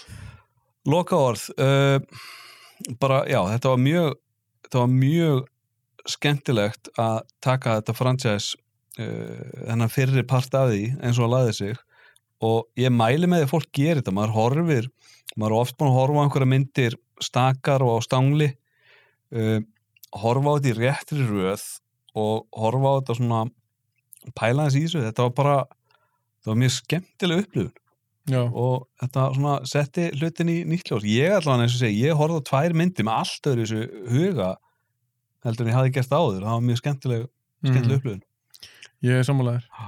Af því Það er svo gaman að taka svona í röð. Ég var nokkur sem gert þetta. Ég tók, Mm. þú veist, ég tók ykkur sex hellreyser myndir allar í röð. Já, ég tók já. fantasy myndirnar allar eru röð uh, svo Evil Dead getur Mm. maður tekið oft allt eitthvað hryllismyndir en ég, eins og Lethal Weapon hef ég tekið allar fjórar já, Die Hard myndirnar það er mjög gaman að horfa á og sjá svona þróun já. en það sem ég hef sérstaklega, alltaf sérstaklega á þessum myndum svo er ég gripið fram í þessum myndum sem eru gerðar yfir svona langt tímabil já, Þú veist, það er kannski ekki alveg hægt að setja Lord of the Rings og eitthvað svona myndir nei, það er inn í líka þetta. teknir upp á sama Já, tíma akkurat, þannig, að- þannig að væpið er allt öðris og það er, það er miklu heilstæðri sín sem er í gangi þar já, sérstaklega, þú veist, eða sami leikstjórn að þessu öllu. Og svo gaman að sjá þetta, þú veist, það eru fjóri mismöndi leikstjórar að vinna með sama fransjösi með mismikil eh, mikið frelsi af hendi stúdiósins mm og já, þetta er bara ótrúlega já. skemmtilegt. það er með það sem ég veist einkenna svolítið Alien myndirnar Mm. er að þetta er alltaf nýrunni leiksturi Já, og þeir fengur en allir að setja svolítið svona sitt spinn á þessa sögu já. Eða, þe- þetta, Ja, ja, þetta mythology Þrý- dæmi Þrýr þeirra. eða þrýri, já, finnst ég fekk Það er svolítið áhugavert, áhugavert að sjá sko uh, munin á því, þú veist, mér finnst sér með Alien 3 sem var bara algjörlega með bundnar hendur og fekk ekkit frelsi mm og svo leiði þeir John Pierre Jeunet basically að gera allt sem hann vildi þetta er svo- eins og þeir hafið svona herði já, wow, við, við vorum svolítið kjánalegir hann að Alien 3 já, skulum ekkert vera að skipta okkur af þeir hafa væntalega ekki skiptið mikið af því sem hann var að gera Nei, eins og ég skildi þá var törvöld betra samband bara mm. líka uh, John O kom bara strax og hugsaði bara, "Herri, ég ætla að vera vinur já. gæðin í já, stúdíunum, finnst sér ánáttúrulega að vera sko frægur fyrir að vera erfiður já, undumálega snillingar já, já, Eru bara algjörlega, erfiðir. algjörlega en það er kannski svolítið þetta er fyrsta myndinans já, það er kannski, hann kannski kemur bara svolítið við- fínt að koma inn pínuhömbul Já, af því að Sigóli Vífi sagði líka að hann hefði bara ekkert hagað sér þess að þetta var fyrsta myndunars já, og það er alltaf erfitt, ég sé Já. alveg fyrir mér að hann hafi verið einhver pínu asni Já, það var vist na, uh, það var vist eitthvað eitt atriði sem hann tók upp aftur og aftur og aftur og aftur og fólk var bara, "Bíddu, hvað er að þér? mm Hvað er það að rappa? Það því hann var, hann var svo fixetaður á að blóðið var ekki rétt á litin. Hmm. Hann tók aftur og aftur á einhverju haus að springa. Uh, ég veit ekki hvað atriði það var, ég man ekki eftir í myndinni. Kannski er að Charles Dance er drippin. Og tók aftur og aftur og aftur og það var alltaf að, vera- hann var alltaf að breyta litnum á blóðinu. Já, ég get alveg trúa að hann sé þannig Já. típa mitt Já, uh, það eru lokaðarinn mín að það eru geggjaðar þessar Mhm. myndir af því að það eru allar ólíkar Mm -hmm. þó ég fíl ekki svagla, svagla þrjú og Aliens er besta myndin snorri. mm. Þú er ekki að segja þetta. Er ég Hún- búin- Eh, Þér finnst hún besta myndin, já Þarna, Og þér, ég er búin að sanna Þú er búin að svo Já, já, hún er, hún er besta myndin ástu að mest af sigri í þeirri mynd er, Hún er, hún er Hamingjusyki. óðlóðið hún, er- hún er með púðu, púðu sigur út um allt sko. Já, svo kannski tökum við setna Alien vs Predator 1 og 2 mm -hmm. og Prometheus og Alien Covenant, hérna það ekki mhm.